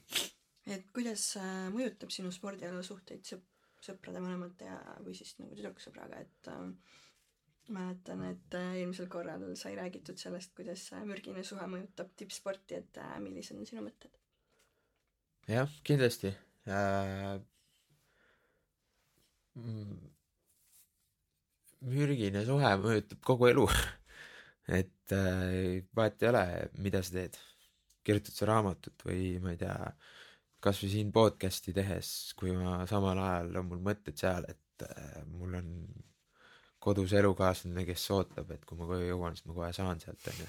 et siis ma ei teeks ka seda hästi, onju, et vahet ei ole, mida ma nagu teeksin, siis mürgine nii-öelda suhe ei ole kuskil asjas nagu, ma ei tea, minu jaoks aktsepteeritav, noh, ma olen pikalt elanud asjas, aga noh, see ei ole see, et ma kedagi süüdistan. inimesed lihtsalt teinekord ei sobi, isegi kui sa väga tahad. ja, ja, ja lihtsalt tulebki tunnetada ja aru saada. aga nüüd kuidas mõjutab, noh, ongi mõjutab absoluutselt, et äh, ma mäletan väga hästi, Alkas oligi see, et kui mul oli tüdruksõbrad kõik hästi läksingi mängule ja ma nautisin, tõmbasin seal väravaid ja oli hästi. teinekord oli väga halvasti, lähed mängule, sa ei, noh, sa ei kon- täpselt, sa ei connect'igi ära, vaata, sa oled mõtetega mujal, sul on fookus täiesti vale koha peal. et see mõjutab jah, absoluutselt. Igas elu nii-öelda valdkonnas see on igas eluvaldkonnas tegelikult tahangi öelda, mul on hea näide siin, eelmine saade, mis tuli meil välja nüüd siin, täna on reede, kui sa seda kuulad, see tuli meil pühapäeval välja, natuke hiljaks, et tegime Martiniga esimese selle üle pika siukse kahe, kahe mehe nagu saate seal.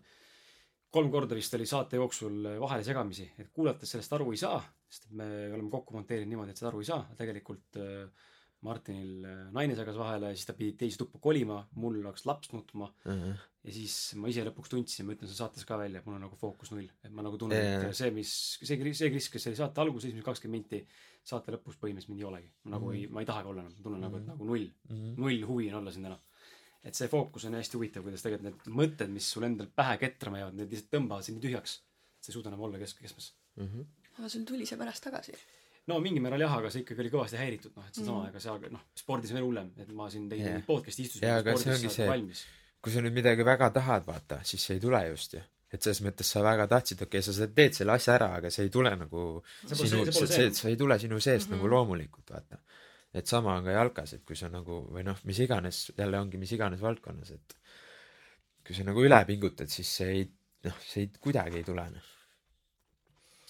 Kas äh, taiboks on kuidagi sind nendest ohtlikest olukordadest äh, või muudest katsumustest äh, äh, on see kuidagi kasuks tulnud sulle, päästnud sind? mis mõttes ohtlikest olukordadest või katsumustest? no et mingist, ma ei tea, a la tänavakaklus. On siukest hetke üldse olnud, ei ole või? ühe korra on olnud, kus mul on vaja ennast kaitsta. et äh, see naljakas lugu ongi see, et äh, sama päev tööl olles siis mõtlesin selle peale, et alates sellest, kui ma olen nagu trennis käima hakanud ja nagu õppinud seda asja, siis mul ei ole kordagi olnud vaja seda praktiseerida. ja noh, ma ei tea, oma mõtetega tõmbame reaalsust ligi ja sama õhtu oli mul olukord, kus mind lihtsalt mingi täiesti suvaline tüüp tuli Keila keskväljakul, lükkas mind ratta pealt maha ja ütles mulle tõmba nahhu siit. Out of nowhere nagu ja siis ma olin nagu, jäin ülirahulikuks, ütlesin, et ei tõmba. Ja siis ta lükkas mind uuesti, ütles sedasama mulle. siis ma ütlesin, et ei tõmba. siis ta tahtis mind lüüa, sain eest ära nagu täiesti refleksist või automaatselt ma nagu ei mõelnud, et oh, ta nüüd lööb, ma nüüd saan eest ära. ja siis äh, sõber nagu hüüdis, et kuule, et davai, et nüüd aitab vaata, et kaamerad tõestavad, et sa ei ole alustanud, sest ma tean, et Eestis on selline seadus, et kui sa oled võitluskunstide ja asjadega tegelenud ja sa kellelegi kelku annad, siis äh, sinul on korralik Mhm. jama kaelas onju. Ja me olime kaamerate all ka, siis oligi see, et davai, et kaamerad tõestavad, sa pole alustanud. siis panin talle ühe paugu küünarnukiga ja peale seda ta nagu vajus ära, jooksis auto taha, hoidis lõuast kinni. ja siis ma ütlesin talle nüüd tõmba ise nahhu siit. ja siis läkski minema, et nagu sellest piisas. ja ma nägin, kuidas kõvast mehest, kellel oli oks nii laiali, sai nagu märgkutsikas, kes jooksis auto taha. Et jah, selles mõttes see ongi nagu ainuke olukord, kus mul reaalselt on vaja ennast kaitsta. aga nagu ma ka siin kuskil intervjuus varasemalt äh, äh, ütlesin, siis probleeme leiavad alati need, kes tahavad mm. -hmm. et võib-olla ma, ma create isingi oma nii-öelda mõtetega välja selle, et mul oli mingi enese mingi see enese nii-öelda kuidas enesetõestamisvajadus mm -hmm. vaata kuskilt alateadvusest, mul pole kordagi vaja läinud, sama õhtu oli, et see et tahaks näha, kas jah, jah, et kas ma saan hakkama, et, et see oligi niisugune nagu tunne, et kas ma nüüd olen siis võimeline ennast kaitsma, kui vaja. see on huvitav jah, sa mainid seda, sest sinu puhul, noh, sinus kiirgub, noh, sinus kiirgub ka hoopis niisugust teistsugust äh, mentaliteeti ja ma, muidugi võib-olla täna on asjad muutunud, võrreldes, ma ütlen üldse kollektiivselt, ja võib-olla Mhm. vanasti, noh, kui mina olin noorem, siis mul endal tuleb mingid situatsioonid meelde, kus lambist mingid vene gängid Lasnamäel käisid tagumas ja kiusasid inimesi ja mind on isegi kiusatud niimoodi, et no üheksakümnendate keskpaik ja ka isegi kahe tuhandete algus oli veel selline, kus täitsa vastik oli. absoluutselt, aga meie oleme näinud seda, vaata, ja kui me nägime seda asja kõrvalt, siis äh, meile tekkis, tekitaski see vastikust mm. -hmm. seepärast see ei olegi edasi kandunud tänapäeva, et inimkond on nagu kõrvalt näinud seda, samal ajal edasi arenenud.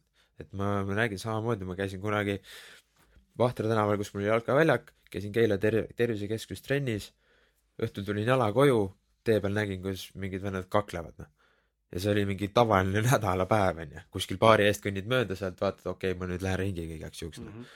aga täna sa noh, ma ei tea, eriti kuskil väikses Keila linnas sa ei näe siukest asja. ja kui sa näed, siis ma ei tea, kunagi sa, oligi see, et tekitasid endale autoriteeti sellega võib-olla, kui sa oled kuskil, ma ei tea, peol või kus iganes mingi kõva vend, kes panebki kõigile sisse ja käid oks laiali, onju. tänapäeval sa kuskil niimoodi oksa laiali viskad, siis vaadatakse, et mis tont see on, vaata. et see nagu noh, ühiskond on nagu nii palju edasi liikunud, et pigem on see tabuteema, noh. ja, ja see on ka huvitav, et jah, vanasti endale mõned nimesid mainima ei hakka, aga mõned maadlejad, keda ma tean väga hästi äh,. iga päev, ma arvan, nad on rusikaid rohkem näinud, kui ma arvan, ma ei tea, sihuke tunne, et mingid, ma ei tea, oma sokke või mingeid muid asju, no reaalselt. et aga noh, täna on nagu see ongi huvitav, et täna vaadatakse tõesti inimesi viltused pigem rohkem. absoluutselt. okei okay., tead, see sa mainisid Rannot ka, ma korra tulen selle juurde tagasi, et Ranno küsis, sa ütlesid, ma, kas ma tean teda, aga sa tegelikult tead, Ranno on sugulane ju. ma ütlesingi, et sa tead. ja, ja et Ranno, Ranno tegelikult tuleb mingi aeg võib-olla saatesse ka, ma nägin teda kusjuures üks päev siin äh, Balti jaamas põrkas Mhm, kokku, jah. pole teda ma arvan seitse aastat on muutunud. No pikemaks kasvanud ja vähe lõngus on tekkinud selles mõttes et nagu noh ma olen ka ikka- pi- pikkade juustega tal ei ole pats tee lahti. Yeah. alguses tulnud säragi Jaa, siis aga jaa ta tuleks nagu hea meelega võiks teid saatesse kutsuda on siuke hea pokkerikäsi. Absoluutselt. Ja tema noh selles mõttes ma olen temaga koos põhimõtteliselt ma ütlengi et elanud noh mitte niimoodi et nagu konkreetselt nüüd aga selles mõttes nagu ütleme mingi nädalas neli neli ööpäeva olen olnud tema juures onju siis ma mingi aeg ei ole siis olen jälle paar päeva tema juures onju et ma nagu tean mis inimene ta on ja samamoodi spirituaalsus äh, on nagu temal ka väga sihuke nagu hingelähedane et äh, loeb hästi palju mingeid siukseid enesearendusasju ja ja see nagu kõik ongi pokker on ka ju mental täiega mental. Ja mul üldse kogu elu on mental. Et kui sa ükskõik milles sa tahad hästi olla samamoodi kui sa võtad eh, tippfighterid siis mis nad räägivad? seitsekümmend viis protsenti on mental. Kõik teevad trenni kõik teevad täiega trenni. Ega need ei ole see et matš tuleb siis ma istun kodus. Ja kui sa oled mentaalselt valmis siis ongi see on pool võitu vaata. Mm. -hmm. siis pluss lisaks sellele. Samamoodi noh ehe näide ongi Conor McGregor kes võttis Jose Aldo ette.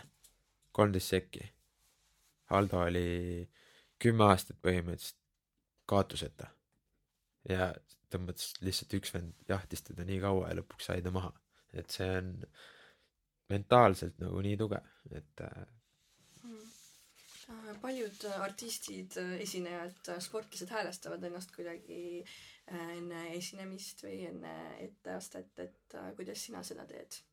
et võid koju tuua? mm, ma arvan et äh, jah teoorias oleme me kõik kõvad vaata. Aga et äh, põhimõtteliselt ma üritan oma mõtted nagu pea tühjaks saada et mul ongi see üks asi ainult. Ma keskendun selle ühele asjale eriti kui ma ringi lähen. Et äh, et äh, Tais olles oligi see et äh, noh sa olid välismaal selles mõttes võib-olla lihtsam aga mul olid seal mingid muud asjad mis mind segasid et mul oligi see okei okay, Henri nüüd kõik lase välja. Lihtsalt viska välja peast ja keskendu ainult ühele asjale. Ja ma suutsin seda ja mul läks ülihästi. Et äh, ongi see et sa lased oma peast mõtted kõik välja ja siis võtad selle ühe asja ja proovid keskenduda. Ikkagi see kohalolu see täpselt, kohalolu jah. et see fookus. Enne kui me Taist räägime, tegelikult tahaks Taist rääkida ka mitte ainult spordi mõttes, üldse reisimise mõttes ka ja Tai kultuurist, aga mis mulle tegelikult väga meeldib, on see, et ähm, noh, põhimõtteliselt sa juba tõid, tõid selle näite välja, aga see on nagu hästi huvitav selles mõttes, et äh, sa sportlasena näed nagu ja üldse inimestena ka, aga spordis on see nagu hästi aktuaalselt näha, sa näed nagu aastaid vaeva ühe mingisuguse nagu saavutuse jaoks, noh, kas see on siis see saja meetri jooks, eks ole, mis on eriti Mm. lühikest aega, onju. mm.. sinu puhul on siis see mitu raundi, kolm korda kolm, kolm, kolm korda kolm. noh, kümme minti ütleme suures laastus mm. -hmm. Et nagu sa lihtsalt näed vaeva, rõvedat vaeva, nagu nüüd sa oled näinud viimane matš kaks tuhat kolmteist, nüüd on kaks tuhat kakskümmend, kohe veebruaris tulemas laupäeval. kaks tuhat üksteist ah, kaks tuhat üksteist. oli Eestis okei. kolmteist märts. jah, et üheksa aastat põhimõtteliselt noh, nii piltlikult öeldes mitte küll iga päev, eks ole, iga aasta, aga ütleme, et sa oled nagu näinud vaeva selle nimel, et nüüd siis tulla ja teha maha kümme minti sooritust. jaa, aga no ma ei teadnud sellel Mm. vaata see, et see ei, ei olnud nagu niimoodi, et üheksa aastat tagasi ma ütlesin, et ma teen kaks tuhat kakskümmend uuesti matši.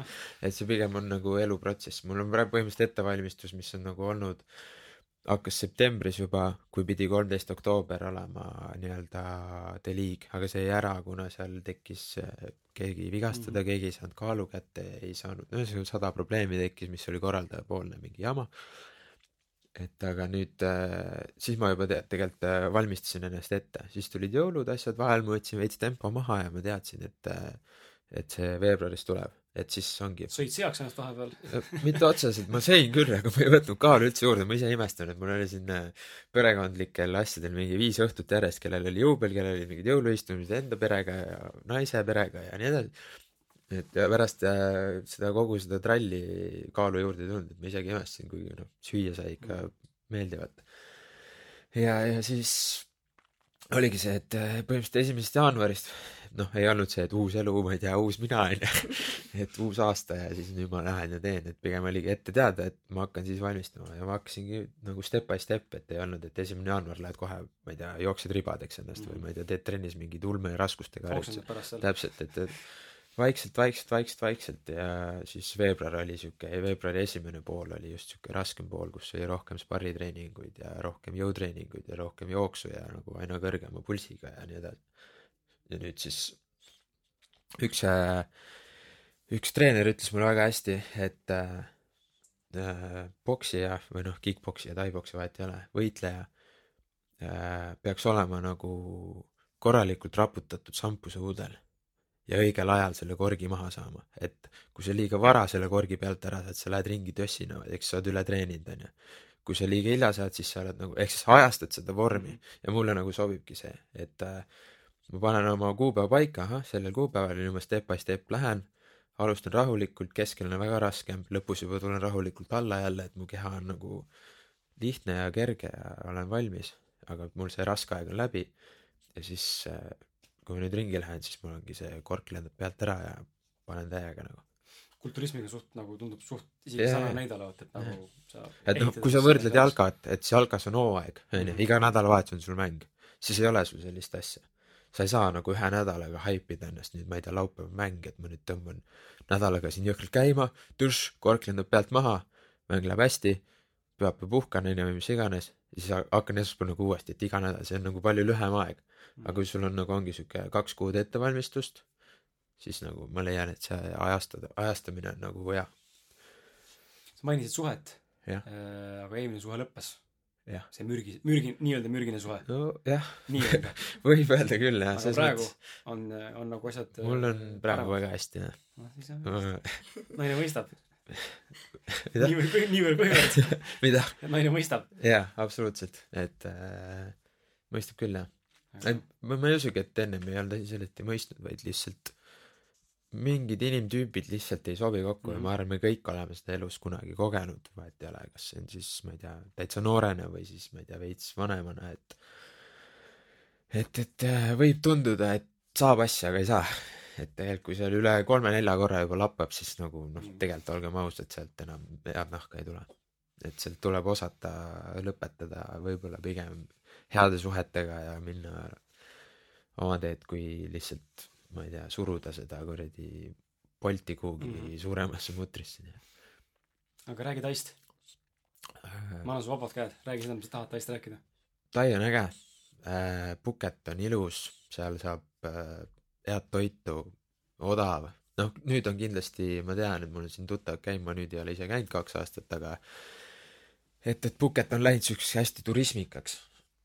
Aga noh, minu jaoks, ma läksingi sinna ka, kui esimest korda käisin, siis ma läksin sinna rohkem selle jaoks, et äh, teha ise trenni, areneda treenerina, et äh, saada uusi asju. ma tundsingi siin Eestis trenni andes, et oled nagu koha peale jäänud, lähed trenni ja mõtled, kurat, ma teen jälle sama asja.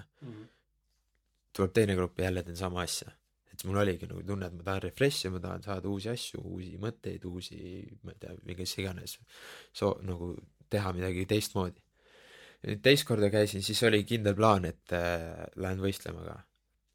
ja, ja siis jah, see, see Tai on äge selles suhtes, süüa head toitu ja teha trenni iga päev.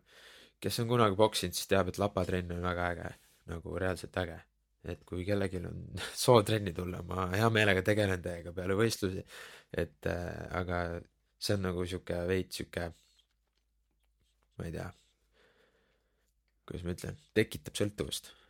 aga nüüd, kui ma olen närvid läbi, siis ma võin tegelikult põhimõtteliselt tulla sinu juurde trenni ja lapasid taguma lihtsalt. jah, sa, ma, ma tõmban sul selle, ma ei tea, ma saan aru kohe, kui inimesel närvid läbi või nagu kui ta tuleb sinna nagu mingi äh, välja elama. seal on väga lihtsad harjutused, mis aitavad maandada kohe. mõned kosmonaudid ja juba on inimesel raskem ja tal on see energia läinud, et et ühesõnaga see lapatrenn on selline, mis paneb nagu, nagu sa naudid seda, eriti Tais, kui sul on väljas kolmkümmend kraadi ja ma ei tea, oled seal kuskil džungli vahel, teed trenni, no see on, see on, see on äge ja see on kogemus, mida ma soovitan kõigile, isegi kui sa ei ole nagu kunagi poksiga kokku puutunud. tahad Taisse, mine kindlasti ühte tai-poksi trenni ja võta üks eratrenn, et see on äh, äge. et kui inimesel on siis alla surutud viha, et siis ta võib sinu poole pöörduda. jah, siis ma aitan tal selle, võtame selle viha kõigepealt välja ja siis paneme ta õigesse kohta. kui palju Tai äh,, ma mõtlen seda nagu, et äh, ma ei tea, kui paljud, noh, ma tean, paljud poksijad käivad seal, jah, popp, popp-värk millegipärast, eestlastel minna sinna Jah.. aga et mille poolest nagu, kui sa nagu peaks nagu selles mõttes niimoodi analüüsima, et kas see Tai, tai-poksi või muay thai kultuur nagu on siis kuidagi teistmoodi nagu efektiivsem, kvaliteetsem, ma ei tea, jõulisem või, või kuidagi annab ta rohkem sulle mentaalselt või võrreldes Eesti nii-öelda nagu standarditega? miks sa käiakse treenimas ennast, miks mitte, võiks ju kodus ka teha siin, noh kodumaal. ma arvan, suurim asi ongi kliima. sa saad vabas õhus trenni teha. meil on siin sisesaalid ja suvel, kui tihti sa teed vabas õhus trenni, sa ei tea kunagi, millal hakkab vihma sadama või mis iganes onju. et see, esiteks see kliima, teiseks ongi toit on värske. kellele meeldib äh, nii-öelda Aasia köök, eriti äge. puuviljad nagu passion fruit on mu üks lemmikasju, ma sööks seda iga päev, Eestis maksab see mingi neliteist euri kilo onju, siin väga ei osta seda. siin on ka toored kivikavad. jah, et äh, jah, täpselt, et äh, et just see värskus ja trenni kvaliteet on ka kindlasti selles mõttes, ta on nagu noh, ongi lihtsalt see, et sa saad iga trenn lapasid teha, see on üks asi, mida paljud äh, nii-öelda poksijad tahavad. Eestis, kui sa käid grupitrennis, kui sul ei ole eratreenerit, kes sinuga reaalselt tegeleb, siis sa ei saa seda asja. sa ei saa võib-olla, kui sa valmistud võistluseks, siis võib-olla mingid treenerid lõpuks on nõus nagu, et enne matši davai teeme mingid mõned päevad onju. aga seal sa saad iga päev onju, nii et äh, ja samamoodi see nagu arendab, et see on nii mitmekülgne nagu see, sellel ei ole nagu lõppu, vaata, et see, kus see nagu piir on, et sa oled nüüd mingi taseme saavutanud või et enam ei pea tegema, et see nagu jääbki lõputult edasi arenema. seal sa saad seda teha. kas sa tahad küsida midagi mm,. võib-olla see, et äh, et kas sul on ka oma iidol võistlusspordis, et äh, või kuulad näiteks äh, mõnda võistlusspordiga seosest äh,, seosena podcast'i? Äh, Joe Roganit kuulan, aga mitte nagu niimoodi järjepidevalt. et ma ei ole et oh, uus osa tuli ja nüüd ma kohe kindlasti kuulan, aga äh, kindlasti ju noh, läbi interneti jõuavad meile nii-öelda need parimad palad, vaata, kui sul on, kuulad mitmetunnist saadet, sa võib-olla noh, kas ei viitsi või ei leia aega või ei ole aega kuulata seda nagu niimoodi. sest et äh, tal on, ma ei tea, kas tal on Spotify's või? Tead sa, ma ei tea. ma ei tea ka, minu arust on tal Youtube'is ja see on nagu veits tüütu, et Youtube'is sa ei saa kuulata, vaata. kui jätad selle ekraani lahti, siis äh, on sul aku tühi poole tunniga onju. et, et, et aga teda kuulan ja iidoliteks äh, üks Inglismaa mees, Liam Harrison on väga ägeda siukse agressiivse stiiliga, kes mulle nagu isegi nagu ma ise tunnen, et ma olen võib-olla veits tema stiiliga, et mul on temalt nagu snitti võtta. siuksed teravad kiired jalad ja tugev ja jõuline ja kiire, suht sama kaal, ta on isegi väiksem kaal, kuigi ta noh, näeb suurem välja. et ta on ka siuke väga legendaarne vend, kes on juba vist mingi viisteist, kakskümmend aastat fight inud ja üle kahe, kahesaja, kolmesaja matši ja ka siuke noh, kõva vend, aga noh, mentaalse poole pealt kindlasti ongi Conor, et äh, tema on äh, põnev karakter, et vahet ei ole, mis ta siin vahepeal teinud on, ma arvan, et igaüks meist natuke flipiks ära, kui ta net worth kahe milli pealt saja milli peale hüppaks põhimõtteliselt üleöö. et äh, nüüd on ta nagu nii-öelda tagasi ja räägib jälle ausat juttu ja eks siis näha ole, kuidas siis ta tulemused äh, muutuvad. et vahepeal siin oligi, et ma annan talle andeks veits, et ta sihuke hullu pani siin nii-öelda vahepeal, aga et äh, lihtsalt see, kuidas ta on jõudnud sinna tippu, et kes on ta filmi vaadanud, kindlasti saab veits aimu. samamoodi see Love of Attraction teema, ta rääkis oma seal mingitest Youtube'i videotes sellest, et see on äge raamat ja kuidas see on ja ma arvan, kõik see on nagu mentaalne pool on tal väga hea. sealt on palju õppida. tahtsin küsida, aa, tahtsin küsida seda, et et äh, kaotustega toimetulek, et äh, nii spordivaldkonnas kui üldse elus, sest tegelikult ju elus kaotamine mm, -hmm. kui me niisugust termini korraks võtta kasutusele või millestki ilmajäämine või, või mitte õige nagu soori-, soovitud sooritus, et see on tegelikult väga tihti inimeste jaoks tegelikult äh, nagu sa ütlesidki tol hetkel see, et sul on mälus hoopis see valu jalaga, mis algselt panigi nagu loobuma tai-poksist ja üldse poksist.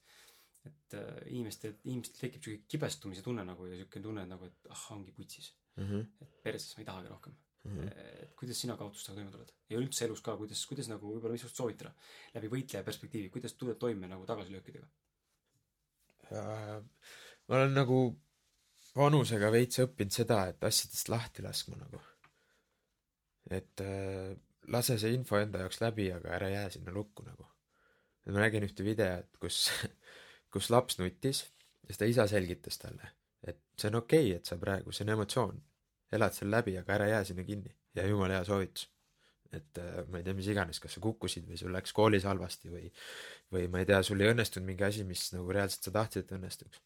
Ela see emotsioon läbi, ela see nagu välja see endast. aga noh, see on jälle teoorias oleme kõik kõvad. et äh, meestel on eriti, ma arvan seda just, et seda noh, ütleme siis, kui pisarad ja nutmine on see nagu lõppstaadium, eks see level sada on ju, siis Mhm. mehed sinna tavaliselt nagu vägisi nagu suruvad seda kaant peale on ju. aga, aga ma ise mäletan väga hästi, kuidas mul mõned kuud tagasi, kui esimese argieksamil kukkusin, siis ma hakkasin nutma kodus. noh, tegelikult nii nagu totter asi, aga ma olin pannud endale, see oli mu eelmise aasta üks eesmärkidest, mida Mhm, saavutada ja ma ei mhm. saavutanud. Mhm. järgmine katse oli uuel aastal ehk see aasta. ja need on pikad ajad siis ma sain ka aru, et täitsa perse, ma kukkusin läbi, ma ei saavutanud eesmärki endale, seadsin ja ma hakkasin lihtsalt kodus nutma diivani olles. lihtsalt tuli siuke nagu tunne nagu, et ah, täitsa putsi. aga lasid läbi selle ja, ja lasin, nutsin, nutsin välja ennast ja see ongi minuti pärast oli hea. normaalne. nagu. lased selle läbi ja elu läheb edasi. krüpto, tahtsid küsida midagi või? Küsi, küsi. mõtlesin jaa, et tahaks küsida seda, et äh, me oleme siin saadet või noh, ausad mehed on hästi palju rääkinud äh, hommikurutiinidest mm -hmm. ja Mhm. kuidas nagu päeva, päeval jälle seda häälestust saada, et kas sul on ka nagu nii-öelda mingid praktikad, tehnikad, kuidas sa nii-öelda omas maalas siis tunned ennast? ja räägin hästi ilusti onju, et sa ärkad kell neli öösel üles, kohe tuled Jaa. äratuskella pealt, enne kui äratuskell tiriseb, sa juba paned kinni. sa oled nii, nii kõva vend. kusjuures kunagi mul oli niimoodi, et ma ärkasin alati viis minti enne äratust nagu automaatselt ise siiamaani ma ei tea, mis teema see on, aga nüüd mul enam pole, ma ei tea. ma ei tea, miks mul enam pole. nüüd mul on see, et kurat, äratuskell. aga kas sul oli ka siis äh, tol hetkel niimoodi, kui see oli, mul on, mul on niimoodi, mis on väga imelik, et ma, kui ma ärkan üles enne äratuskella mm, Mhm. -hmm. mul on see umbes kümme-viisteist minutit mõnikord, ja kui ma ei tõuse püsti, siis on putsis. siis ma ei. ärka rohkem, ei saa. ei saa tegelikult peaks püsti tõusma ja ja on kõik. ma mäletan seda eriti sellest ajast, kui ma oligi, kas elasin Sauel või Tabasalus, et pidin kahe bussiga tripima, mul ei olnud valikut. mul oli äratuskell ja mul oligi see, et kuna ma olin alati see vend, kes tahtis hommikul süüa putru või noh, normaalset sööki, mitte et ma võtan lihtsalt mingi võiku ja siis vaata Jooksu. panen jooksu. et ma pigem võtsin une arvelt kui söögi arvelt. siis mul oligi see, et mul oli nii täpselt välja arvutatud, laks, ärkan äratuskell, mul ei ole mingit vahtimist, mul on kohe vaja jalad alla saada. et kolme juuni asemel on kaks juuni on võimalik ainult teha. et nii täpselt ajad. et põhimõtteliselt küll jah, et, et ei olnud seda nagu aega midagi seal puhverida, vaid lihtsalt laks, äratuskell, nii ma tean, okei okay,, minut aega, pamm, ma pean olema püsti, kui ei ole, siis ma jään uimaseks, mis iganes. kohe toimetama kohe. aga nüüd nagu, kui mul nagu ei ole enam nii kella peale minekut, siis ma olen veits laisemaks läinud selles suhtes. aga mul on üks kindel asi, mis on mul võib-olla väga noorest saati, on see, et ma ei ärka kunagi üles niimoodi, et ma panen esimesena enda vasaku jala voodist tulles maha. mm,. nagu meelega, teadlikult. mitte ühtegi päeva väga huvitav. mm. -hmm. sihuke asi on. kuigi mu voodi on niimoodi, et ma astuksin vasaku Mhm. jalaga voodist välja, ma panen ikka parema jala ennem. Et sihuke kiiks on mul. kurat, äkki peaks hakkama harjutama, sest mina astun ka, mul on samamoodi, ma ma nui neljaks ma astun et nagunii ma nagu ei anna. šanssi mingile Jaa, saatusele, et või ma ei tea, mis iganes, et ma ei astu vasaku jalaga voodist välja, et see on mul üks sihuke kiiks.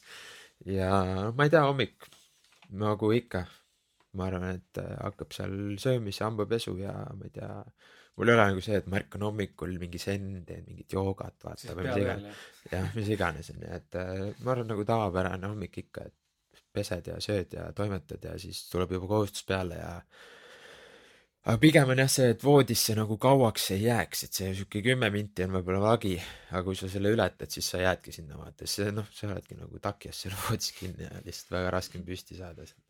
Mulle meeldib, kuidas Robin Sharma ütleb selle kohta, et äh, hästi oluline on saavutada see staadium, kus on mind over mattress ehk siis mõistus üle madratsi jah, aga jube mugav on ja soe on olla tegelikult madratsi, Jah, mõnikord tekib lendi, kus sul on kaaslane kõrval, see on nagu eriti sa ei tahagi välja tulla. kuskil mind, unustad ära Mhm. noh. on jah, ma jõudsin vahele karjuda enne, kui Elis küsis küsimuse. krüpto, jah, krüpto, et äh, räägime korra krüptovaluutast, mis on täiesti absurdne teema tegelikult tänase saate juures, nii-öelda Jah. saab boksija, jah, miks peaks krüptost rääkima äh,? hästi aktuaalne teema nagunii igapäevaselt ja ma arvan, et siin järgmised äh, viis-kümme, ma arvan, et viis aastat isegi toob siin uusi krüptomiljoneid, nii et vähe ei ole. Need kõik need tänased, need pehmekesed, kes siin on, kaasa arvatud mina, on üks inimestest, ma arvan, kes selle buumiga seekord kaasa saab, aga sul õnnestus saada eelmine kord äh, teatud määral kaasa sellega. jah. räägi enda krüpto noh, väike siuke ülevaade, mis mõttes, mille, mis, millest me üldse räägime praegu? Mm. millest kaasasaamine? krüptovaluuta on siis põhimõtteliselt ongi nagu arvutiekraanil olev, ma ei tea, raha, et äh, minu kogemus sai alguse sellest, et ma ostsin kunagi viiesaja euri eest kakskümmend kaks Monerot. tol hetkel siis oligi noh, do the math, et äh, mis ta see maksis mingi, mis iganes, mingi, ma ei tea, kolmkümmend toltsi või midagi. On vist õige enam-vähem matemaatiliselt ja kohe peale seda põhimõtteliselt, kui ma selle ära ostsin, juba järgmine päev oli see nelikümmend toltsi ja siis kohe ülejärgmine päev oli juba viiskümmend toltsi ja siis ma olin nagu, et nagu oot-oot-oot, mis, mis asja, vaata. et mul see oligi põhimõtteliselt üks elu esimesi investeeringuid, et äh, alguses muidugi ei teadnud mitte midagi. et äh, aga siis nagu, kuna meil sihuke sõprade kommuun on väga tugev ja siis nagu kõik olid mingil määral nagu huvitatud sellest, et kuidas, mida ja arutasime omavahel ja nagu aina rohkem läbi selle tuli kogemusi, et äh, et, et äh, põhimõtteliselt algas viiesajast eurist ja kõige kõrgem, mis mul siis, kui siin see täitsa buum käis, kui Bitcoin oli ise kakskümmend tuhat ja ja, ja, ja muud coin'id olid ka seal täiesti ulmelised numbrid, et siis kõige kõrgem, kus mu siis nii-öelda rahakott käis, oli kakskümmend neli tuhat dollarit. et noh, kui sa võtad ükskõik mis äri maailmas, panna samasugused protsendid kõrvale, siis noh, ei ole ei olegi ei, olegi täpselt. et, et äh, ja ma tean siin inimesi, kellel algas viiest tonnist ja lõppes paarisaja tuhandeni, et äh, see on äh, jah, nagu ulme kasumlikkus ja läbi selle nagu õppisid seda, et äh, aga noh, ma ütlen seda, ma, ma ei teadnud asjast palju. ma olingi see vend, kes ostis, jälgis, vaatas, möllas, vahepeal midagi vahetasid seal ja lõpuks vaatasid, et okei okay,, sihuke summa on koos. aga kuna ma olin rebane ehk siis äh, freshman year, siis ma ei võtnud seda asja välja nii nagu pidi, ma veits seal vahepeal koorisin nii-öelda, aga ma ei võtnud seda kahtekümmet tuhat välja, ma võtsin sealt kokku, ma arvan, mingi viis-kuus tuhat välja. et, et äh, see oli nagu abiks ikka, aga täna on mul enamust coin'id alles ja olen vahepeal siin juurde soetanud ja ja tundub, et uus pidu hakkab pihta siin äh, lähima, ma ei tea, poole aasta jooksul, et äh, kes ei tea midagi asjast, siis ma soovitaks natuke kurssi viia, et see eelmine nii-öelda karumarket on üle läinud ja siin nagu krüptomarket taastub ja noh, üldse stokid on väga hullu pannud, näiteks Tesla, Mhm. Tesla stokk on, ma tean, mu vend siin väga hästi treidis sellega vahepeal tegi ka mingi viis-kuus X-i, et võimalusi on jah, et kui sa mõtledki et kunagi oli sul neli võimalust, kus sa lähed tööle siis või kust üldse raha teenida, siis tänapäeval on neid valikuid nii palju. et, et äh, kellel on huvi jah, viige ennast kurssi. Youtube lahti ja ma olen väga palju saad juba infi, mis asi on krüpto, mis on blockchain ja ja, ja sihuke jah, plokiahelast äh, tahate rohkem kuulda, siis kuulake meie äkki oli kuuekümne kuues episood Kristjan Kangroga, kes on krüpto Eesti, Eesti esimene, Eesti ainukene ja maailma esimene krüptopanga nagu omanik. aga krüptost teab veel mis pank see on, Change või? Change. jaa, ma olen kuulnud seda. et aga, aga krüptost on nii palju hea, et see on huvitav, selles mõttes inimesed räägivad investeerimisest ja ärist ja, ja sellest, kuidas kinnisvara toob ikka kümme protsenti aastast tootlust. See on lihtsalt piinlik. Need numbrid on piinlikud ja ma mõistan, et krüptos on ka oht, risk on suurem, aga aga see on äh, vanade harjumustega inim-, nagu ma ei, mitte see on vana halva, maailma muster, jah. täpselt, et see on vana muster, aga et noh, ta, tema jaoks ei olegi see variant, sest et ta nagu noh, ta on oma ajas kinni, vaata, mida ma ennem ka ütlesin, et et ole nagu, mulle meeldivad täiega need vanemad inimesed, kes Mhm. elavad nagu noore inimese mõtlemisega, ta aktsepteerib seda, kuidas noor mõtleb, ta aktsepteerib seda, räägib samamoodi kaasa ja samamoodi võtab uusi asju vastu. maailm muutunud, täpselt et, et sa ei jää sinna oma aega Mhm. kinni. et äh, krüpto on üks ehtne näide sellest, et äh, üks hetk see paberraha ongi läinud Mhm. ja see, ma arvan, ei ole üldse kaugel. see on äh, ja huvitav. mida varem sul on jalg ukse vahel, nagu tee kasvõi see tuhat eurot investeering ja vaata, mis saab. osta Bitcoini, noh, vaata, see võib olla aasta lõpus jälle uuesti kakskümmend tuhat ja viie aasta pärast rohkem. sada tuhat. see on hea näide on Et- et... ühe Jaapani, Jaapani mündi kohta või Hiina mündi kohta, tähendab, ma siin pikalt sellest rohkem ei räägi, aga hea näide, et Henri ütles tuhat eurot, ma lugesin ühe mehe kogemust, kes rääkis, kuidas ta sotti investeeris dollarites siis Mhm. -huh. ühte münti nimega NEM. jah, ja noh, need lühendid on nagunii on nagu on euro, eurol USD ja nii edasi, eks ole Mhm. -huh. et igal valuutal on oma lühend. Aga investeeris soti ja, ja üheksa kuu pärast oli, oli see, noh, see kogus, mis soti eest saad, kuna hind on nii madal, need on mingi alla sentidena kopikad. üks tükk nii-öelda nagu kaks tükk siis või krüptokoini tükk. et soti eest sai mingi viissada tuhat tükki äkki endale vist ja, ja mingi hetk üheksa kuu pärast oli selle ühe, ühe tüki hind siis kaks koma midagi. ehk siis ta tegi sotist miljoni endale üheksa mm. kuuga. Nii et me räägime tootlusest kümme protsenti aastas kinnisvara, sa tegid sotist miljoni ja üheksa kuuga, et nagu, aga see on muidugi üks näide, aga ikka see on võimalik. see jackpot see on nii-öelda. jackpot, et ähm, aga ma usun, et äh, nüüd, kui see uus nii-öelda, nii-öelda bull market hakkab pihta, mis juba va- vaikselt näitab siin viimase poole aasta jooksul väga korralikult hambaid, siis siin on veel siukseid coin'e, tehakse uusi coin'e. Eesmärk ei ole nüüd see, et teeme mingi coin'i ja siis äh, push ime lihtsalt selle hinna üles, onju. et eesmärk on ikkagist mingi, iga, igaüks teeb oma coin'i, et mingil määral olla teistest just erinev. Bitcoin on see, mis paneb enamuste hinnad paika, ta on nii-öelda nagu godfather aga meil ongi siin igast äh, nii-öelda eesmärkidega coin'e, kellel on seal ettevõtted, kellel on Jah, väärtust taga, toode või teenus, mis sa Et, kasutad äh, tänases maailmas, noh, see on nagu see mõte, aga et- inimesed ei saa aru sellest lihtsalt veel. aga no vaikselt, vaikselt. see ei olegi meie mure, kui nad aru ei saa. absoluutselt, et äh, lõpuks mingi vend tuleb, ostab mult, jah, kui mul on. jah, et ma olen siin paljudel nagu öelnud, et nagu ma ei suru midagi peale, aga lihtsalt vii ennast kurssi, vaata. see võib olla nagu ongi sama nagu pangad ütlevad praegu, et see krüptoraha ei jõua kuhugi bla,, blablabla, aga kes pank on krüptorahale? konkurent, konkurent. täpselt. samamoodi postimajad ütlesid, et äh, email ei jõua kunagi kuhugi, omavahel konkurent. Samamoodi telefonivennad ütlesid, et internet ei jõua kuhugi ja no see ongi, võime niimoodi rääkima jääda.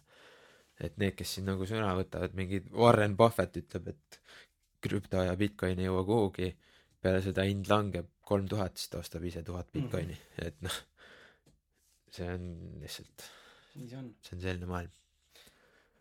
enne kui me räägime viimase asjana Deliigist korra veel, jah, siis ähm, räägi mulle, räägi mulle võib-olla enda toitumisest. milline toitumine on ja, kuidas kuidas sa sellesse suhtud või, või loed sa kaloreid või? ma kaloreid ei loe, ma ütlen kohe ära, ma ei, ma ei loe kaloreid, aga ma jälgin äh,, ma jälgin oma kehakaalu hästi palju. mul on kodus kaal, ma vaatan hommikuti õhtuti enamasti. et ma selle järgi sööngi. et ma vaatan, mis ma sõin hommikul, mis ma sõin päeval, mingi vahepala, mis ma sõin õhtul. Ja mul üldjuhul kaal seisab väga hästi, nagu ma ütlesin, mul oli siin jõulude ajal no korralikult oli söömist ja olemist ja värki, aga kaal ei tõusnud. et võib-olla mul hea ainevahetus, aga kosmilise ainevahetus nagu minagi. sul on see, sul on, meil on see eelis. võib-olla tõesti. ma võin põhimõtteliselt, ükskõik kui rõvedalt kõla, aga ma võiks, põhimõtteliselt mul on nii, nii hull ainevahetus ja ma arvan, Henri, sul on samasugune. ma võiks istuda potil ja süüa. nagu ma söön ja mul tuleb, ma söön ja mul tuleb, et see on nagu ulme. ma ei tea, kas mul on see, ma võib-olla lihtsalt tarbin ära selle kõik. aga, aga, aga mul äh, siin oli kõva dokumentaal Game Changers, kes Mhm. teab, see teab. hullult haibiti ja seal ongi nagu need, kes ütlevad, et äh, ülikõva film, täiesti tõsi, laks väga äge ja need, kes ütlevad täielik bullshit. et mina olen täpselt seal kahe vahel, et äh, ja üldse igast asjadega, mis siin on, mis iganes kunagi siin mingid vandenõuteooriad ja asjad, ma lasen selle info läbi, ma teen enda jaoks mingi otsuse, ma ei ole nagu hurraa või puu, vaata, et ma, ma proovin olla üli nagu siukse nagu neutraalse seisundi võtta. et äh, seal, seal, kes on seda doki näinud, ütleb, et äh, mina ütleks kindlasti, et seal on oma tõsi taga. meil ongi ületarbimine, mis on juba toimunud siin väga pikka aega.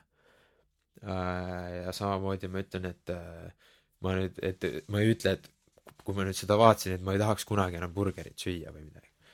aga ma ütlen seda, et ma natuke hakkasin vähem liha sööma küll. Et äh, sest ma saingi aru, et tegelikult ma saangi, ma ei tea, peedist selle raua kätte, ma ei pea liha sööma, onju. et, et kui sa nagu veits guugeldad, ma ei tea, mis iganes netis on ju nii palju võimalusi asju toitumise kohta, mis ainetest või mis tähendab, mis toiduainetest saad mis äh, neid vitamiinid, mineraalid kätte. kui sa sööd nii palju, et siis kas sul on vaja just see, ma ei tea, lihakentsaks ära süüa. Mhm. et äh, sealiha näiteks, ma ei tea, ma olen endale siukse suht nagu välistanud. ma tean, et see on raskesti seeditatav toit. no kust sealiha tuleb? kunagi oli üks loeng, kus ma käisin, kus üks kunagine Nõukogude Liidu meister maadleja, ma ei mäleta, kuidas ta nimi oli, aga rääkis, et Eesti on äh, alles äh, nii-öelda, kuidas ma ütlen, nii-öelda talupoja toidust välja kasvanud rahvas, me oleme viiskümmend aastat tagasi põldudelt välja kasvanud alles onju. ja kui sa olid lihunik, siis sa saidki süüa leib, kartul, sealiha, piim. sa seda kõik kokku paned, see on üliraskesti seeditada toit. just selle põhjusega, et kui sa teed päev läbi tööd ja tuleb lõuna, sa saad sellesama neli toiduainet, siis see kõik kokku ongi see, et sa ei tule kell kaks uuesti, kuna mul on kõht tühi. see ongi lihuniku toit, mis on raskesti seeditada toit, et tal ei oleks kahe tunni pärast kõht tühi. aga mis see kehale on see, et sul on raske seedida seda. piim paneb su maa ümber rasvakihi onju, leib on äh, süsivesikud, kartul on süsivesikud ja siis see sealiha on niikuinii nagu raskesti seeditatav. et jah, see toitumine ongi see, et ma üritan süüa neid asju, mis on minu jaoks lihtsasti seeditatavad. aga ma ei ütle purksi leib, Mhm. et äh, igal ajal on, igal asjal on oma koht ja aeg. Mhm. et kui ma praegu valmistun võistlusteks, siis ongi põhimõtteliselt kaks kuud on mul olnud suht korralik toitumine. aga nüüd, kui mul matš ära, ma lähen hea meelega purksi sööma ja friikaid. jah, et äh, ma siis ma, lasen nagu korraks vabaks ennast, aga see ei tähenda, et nüüd, voh, ja, ja ma nüüd olengi kuradi kodus, tellin Bolti ja söön ainult frikse ja chill. et see, laupäeval ringist välja astud ja kui sa võidad, mida ma loodan, sa võidad, siis ma ootan sind seal kandikul siuke KFC heine kusjuures ma ei tea, kas see KFC ahvatlev on. ma siin eelmise aasta lõpus proovisin, aga ma ei tea. ei meeldinud. No arvan, et seal nimi on rohkem kui see Jaa, värk ise mis ahvatlevam on siis? äh,. Tabasalus oli üks hea söögikoht äh,. kindlasti rää- räägupesa. ei, ei, ei, ei räägupesa. nagu sorry, kes on fänn, aga mulle see üldse ei meeldi. ma nagu kunagi, kui Eestis äh, veel ei müüdud nii-öelda grillburgereid ja asju, vaid oli seesama nii-öelda käsn, kus on see roosa kaste ja kapsas, siis ma lihtsalt palusin Jumalat, kes hakkab kunagi tegema normaalseid burgereid, et see nagu, mul on lihtsalt nagu nii sellest, et see ei ole üldse minu teema. ja siis, kui ma nüüd äh, näen kuskil kunagi mingi viis aastat tagasi, keegi ütles, et lähme rääku, siis ma olin mingi, no lähme davai. ja siis sa läksid lõpuks võtsid selle asja ja siis sa oled, kuidas ma söön seda üldse või nagu see tundub nii, nii vale, et ma ei tea, see ei ole maitsev, mingi mikrouunikotlett ja ma ei tea, et õige grillburger, ma ei tea, Toitsis on väga hea, võin soovitada. Siis äh, Viljandi burger on hea, Uulitsa burger on hea, et äh, ja sibulamoos on üliäge asi minu arust, mis teeb purksid üliheaks. nagu huvitav, mul kodus ma pole proovinud, siis kapis.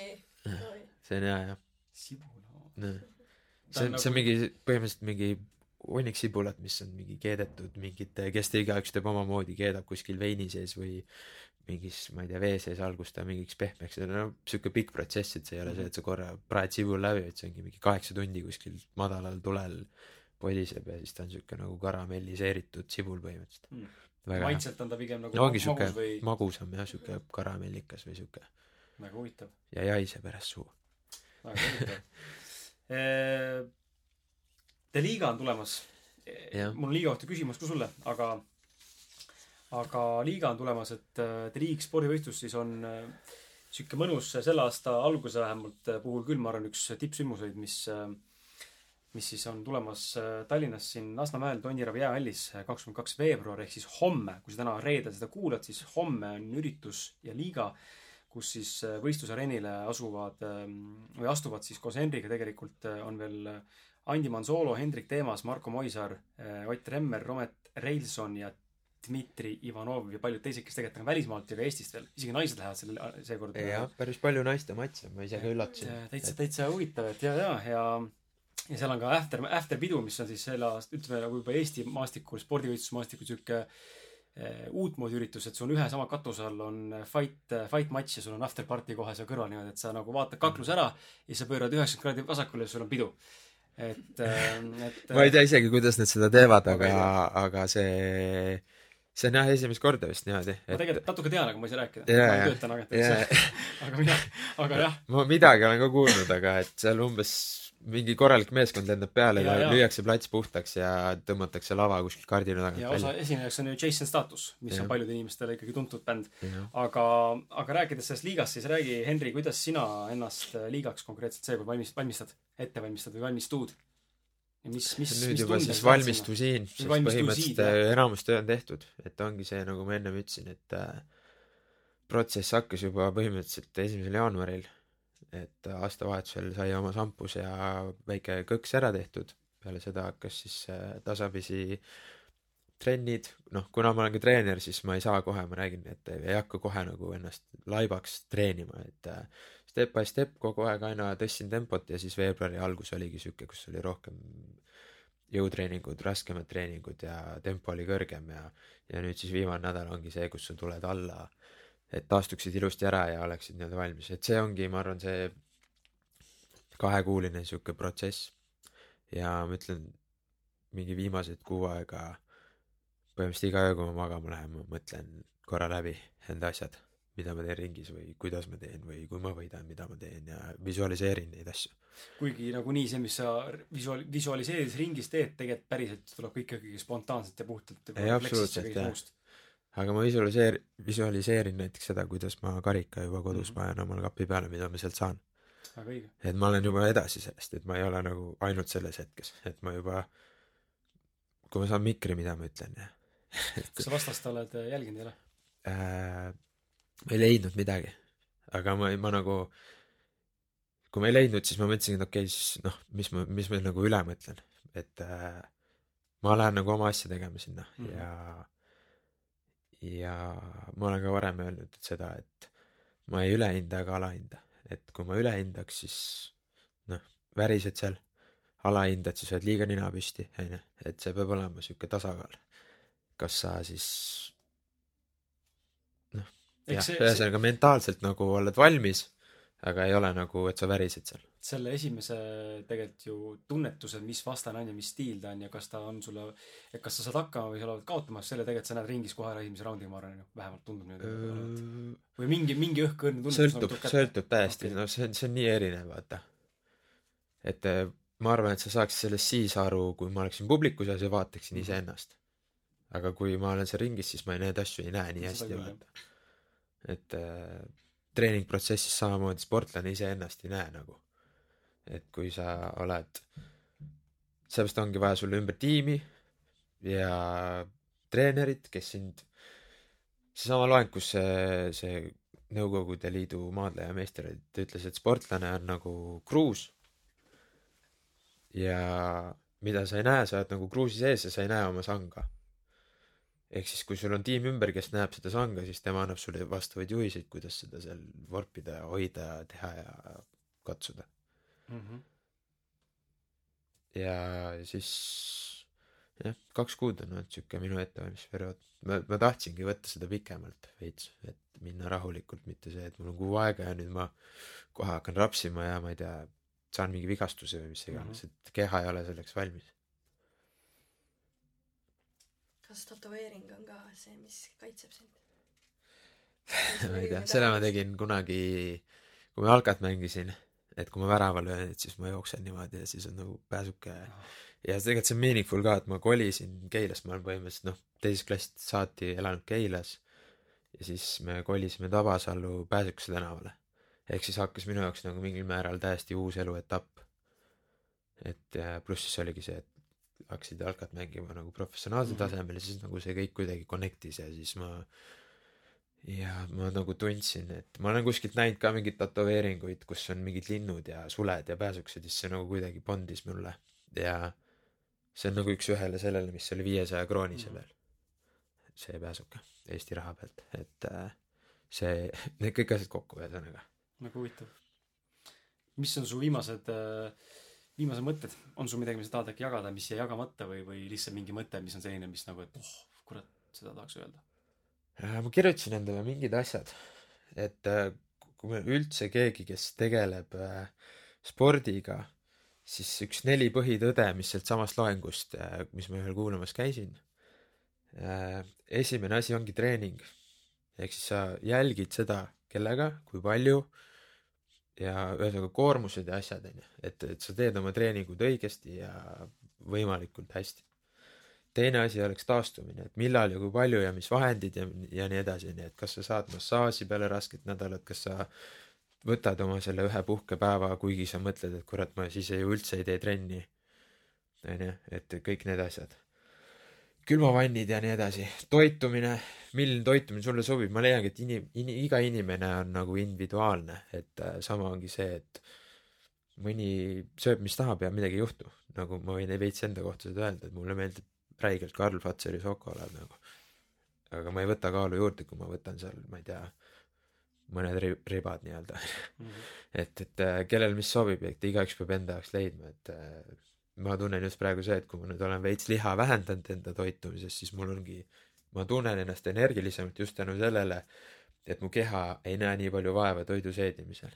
et äh, see on äh, sihuke oluline asi, et kui sa toitud, siis leia enda jaoks see oma, et ära tee, noh, me peame katsetama, see on katse-eksitusmeetod, et äh, kui sa leiad enda jaoks oma, siis proovi niimoodi edasi minna. Ja neljas asi, mis sa arvad, mis see on? see ongi see küsimus, mis ma sinust enne, ütlesin. et on treening, taastumine, toitumine ja neljas asi. mis sa arvad, mis see on? mul kargab vaimsus pähe, mentaalne midagi. mentaalses, aga Okei. okay., aga see on peaaegu jah, aga fookus. et siis äh, see ei ole nagu see, et kui ma lähen trenni, mul on poolteist tundi trenni, et ma ainult siis olen nagu teemas. vaid ka peale trenni, mis ma teen, keda ma kuulan, keda ma jälgin, mis mu mõtted on. Ja noh, ongi see vaimsus läheb sinna alla, ma arvan.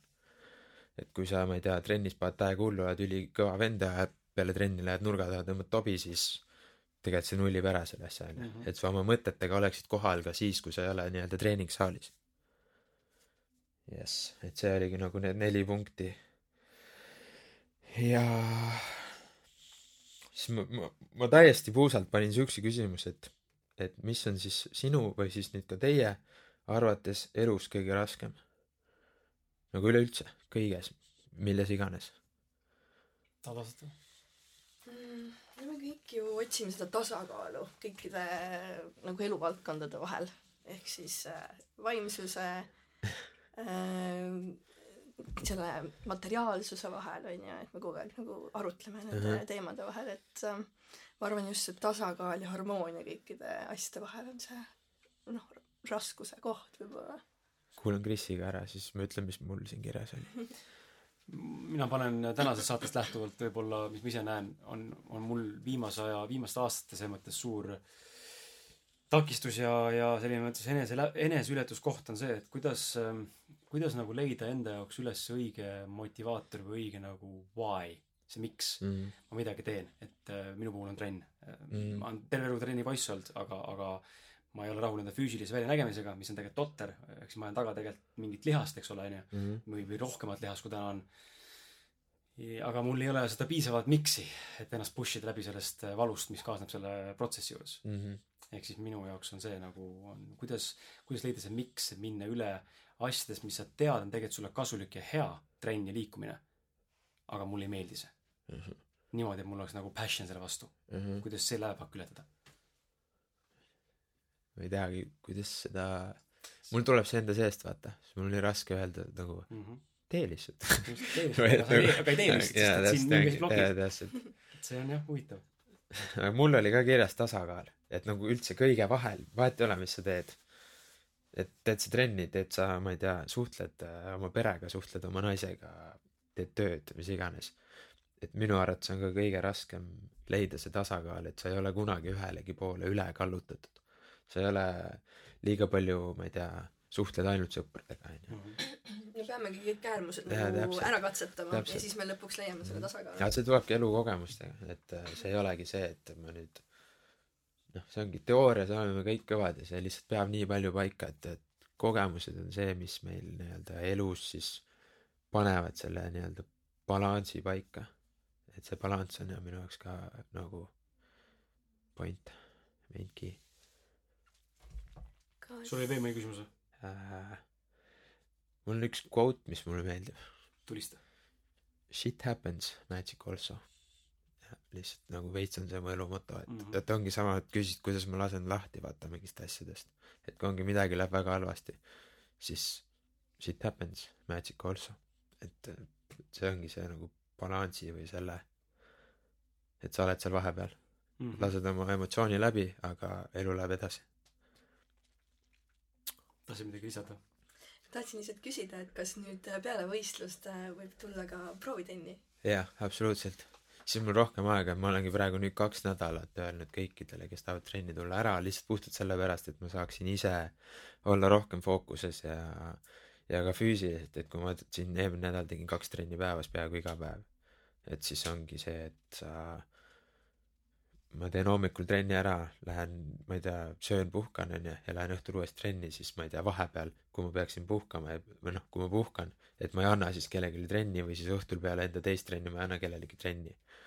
et siis mul ongi see, et trenn nii-öelda sööd, puhkad, uuesti trenn, sööd, puhkad, magad Mhm. onju, et see rutiin nagu veits. ja ülihea on, ma tunnen väga hästi ennast nagu, et see on hoopis teine asi kui see, et sa oled nii-öelda orarattas, isegi kui sa teed, kui sulle, mis sulle meeldib, vaata, et äh, et, et jah, võtsin, võtsin enda jaoks rohkem aega nagu. ma tuleks katsetaks küll. hea meelega, kirjuta mulle või joonista või helista. äkki, äkki saad mõelda, see ei ole kohustus, aga kui tänase kuulaja, saate kuulajate seas on veel huvilisi, siis äkki saab mingisuguse ma ei tea, mingi special deal'i teha kasvõi. võtad, võtad rohkem inimesi vastu, teed mingi viie euro, viis eurot alla näiteks, ma ei tea, mingi diili. ei, saab küll jah, selles saab- mõttes saab kõik, kõik on nagu läbiräägitav, et äh, ma nagu veits olengi nagu selles mõttes, et ma meeldib teha ühe, ühte asja nagu hästi ja korraga, et praegu ongi mu fookus põhimõtteliselt ainult sellel matšil onju mm. -hmm. aga noh, see ei tähenda, et ma muud elu ei ela onju, et ma ei tea, naisega praegu ei räägi või et kuradi sõpru ei näe onju, et mul on ainult matš ja ülejäänud minge sinnasamusesse, et nii ei ole. aga et nagu noh, selle aktiivsuse koha pealt on küll, et praegu ongi matš, kui see on ära, hea meelega tegelen kõikide teistega, kes tahavad trenni tulla, kes käivad trennis ja Mhm. nii-öelda alati võtan uusi huvilisi vastu. mulle räigelt meeldib tegeleda nende inimestega, kes tahavad. et sama, kui ma käin kuskil lastetunde andmas mingites koolides teinekord, siis sa näed, et nad on seal niisama, Mhm. kas siis ongi isa ütleb, et mine trenni või. ja see on mul sihuke mentaliteet mulle ei meeldi, sest ma näen, et ma nagu tegelikult panen tühja, vaata, et ma nagu annan endast rohkem, kui keegi üldse tahab midagi saada. et sama ongi see, et kui mul, ma ei tea, mingid vennad käivad trennis, mingi grupitrenn, siis seal on ikka sihuke neli-viis venda, need, kes käivad seal niisama. ja siis on need, kes äh, räigelt tahavad. Ja siis need, kes räigelt tahavad, need saavad ka rohkem tähelepanu. Nii, see see on nagu ja sa ümber nende ehitad siis nii-öelda seda grupitrenni vaimu, alati tõstad nad eeskujuks, näitad, ahah, nii siin, nii, siis teised vaatavad ja siis võib-olla tekib see huvi nagu suurem. kus sind leida võib?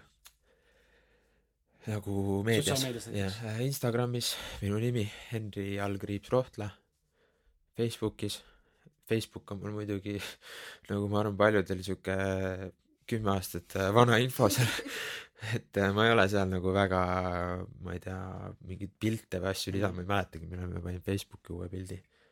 aga kätte mind saab sealt selles suhtes, Messenger on, ma arvan, meil kõigil kasutuses igapäevaselt, et äh, kasutangi põhiliselt seda kirjavahetuseks. ja,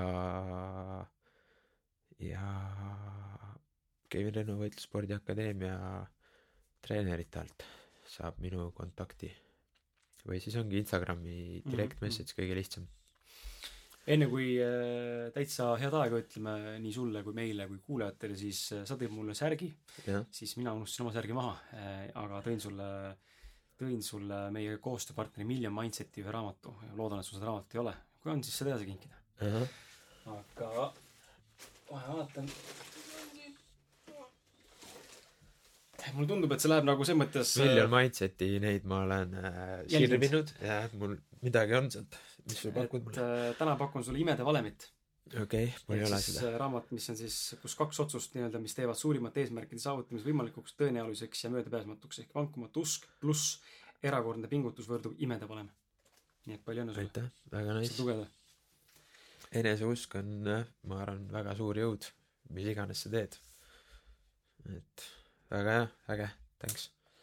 aga jaa, aitäh sulle, Henri, et sa lõpuks, äh, mis lõpuks, pigem olin mina see jopski, kes siin meenutas ja, ja nii-öelda tühistas need saated eelnevalt. aga aitäh, et sa leidsid aega tulla. no meil oli jah, selles suhtes, sa elad teises Eesti otsas või Kesk-Eestis vaata ja siis oli aega, aga noh, väga äge, mulle meeldis algus veits värises, aga lõpus oli nagu vabam olla juba, et. ja, ja edu sulle eelolevaks siis võistluseks ka. endast parima ja loodan, et siis tuleb positiivne tulemus, et kaks kuud on normilt trenni tehtud ja vaimselt ka valmistatud, et ma usun, et ma võidan. loodame. jess. ja, ja aitäh ka sulle, Elis. sinu kohal, kohaloleku eest ja aitäh ka sulle, armas kuulaja, et sa, et sa vastu pidasid, kaks tundi on kohe täis ulme. aeg läks ruttu. ulme. tund viiskümmend kuus tiksub ja mõned sekundid peale, et aitäh sulle, armas kuulaja. ja ega ei olegi rohkem muud su öelda kui seda, et kui see saade sind kõnetas ja, ja Henri, Henri mõtted ja, ja kogu, kogu see kontseptsioon, mis täna edasi andis, sind kõnetas, siis tee palun meile kõigile üks teene ja jaga seda saadet vähemalt seekord mitte ühe, vaid kolme sõbraga. et, äh, et see info jõuaks inimesteni, kellel seda vaja on ja ja et inimesed leiaks sellest mingisugustki väärtust, mis aitaks neil kasvada iseenda paremaks versiooniks. seni aga, seni aga ole tubli ja tuti-luti ja kalli-kalli ja seda muud eest otsa ja kohtume sinuga järgmise reede, kui mitte varem. tšau. Ciao. Know a couple shooters that hit you on the block. Ain't a janitor, but I hit you with a mop. Better watch your friends, they quick to turn the odds. And that bitch nigga will play you for a thought. Ain't, ain't no style watch, yeah, my shit go tick tock. Jumping in out the bendo like it's hopscotch. My nigga in the kitchen and he whipping in the pot. Watch me see him twirl, then he drop. Gotta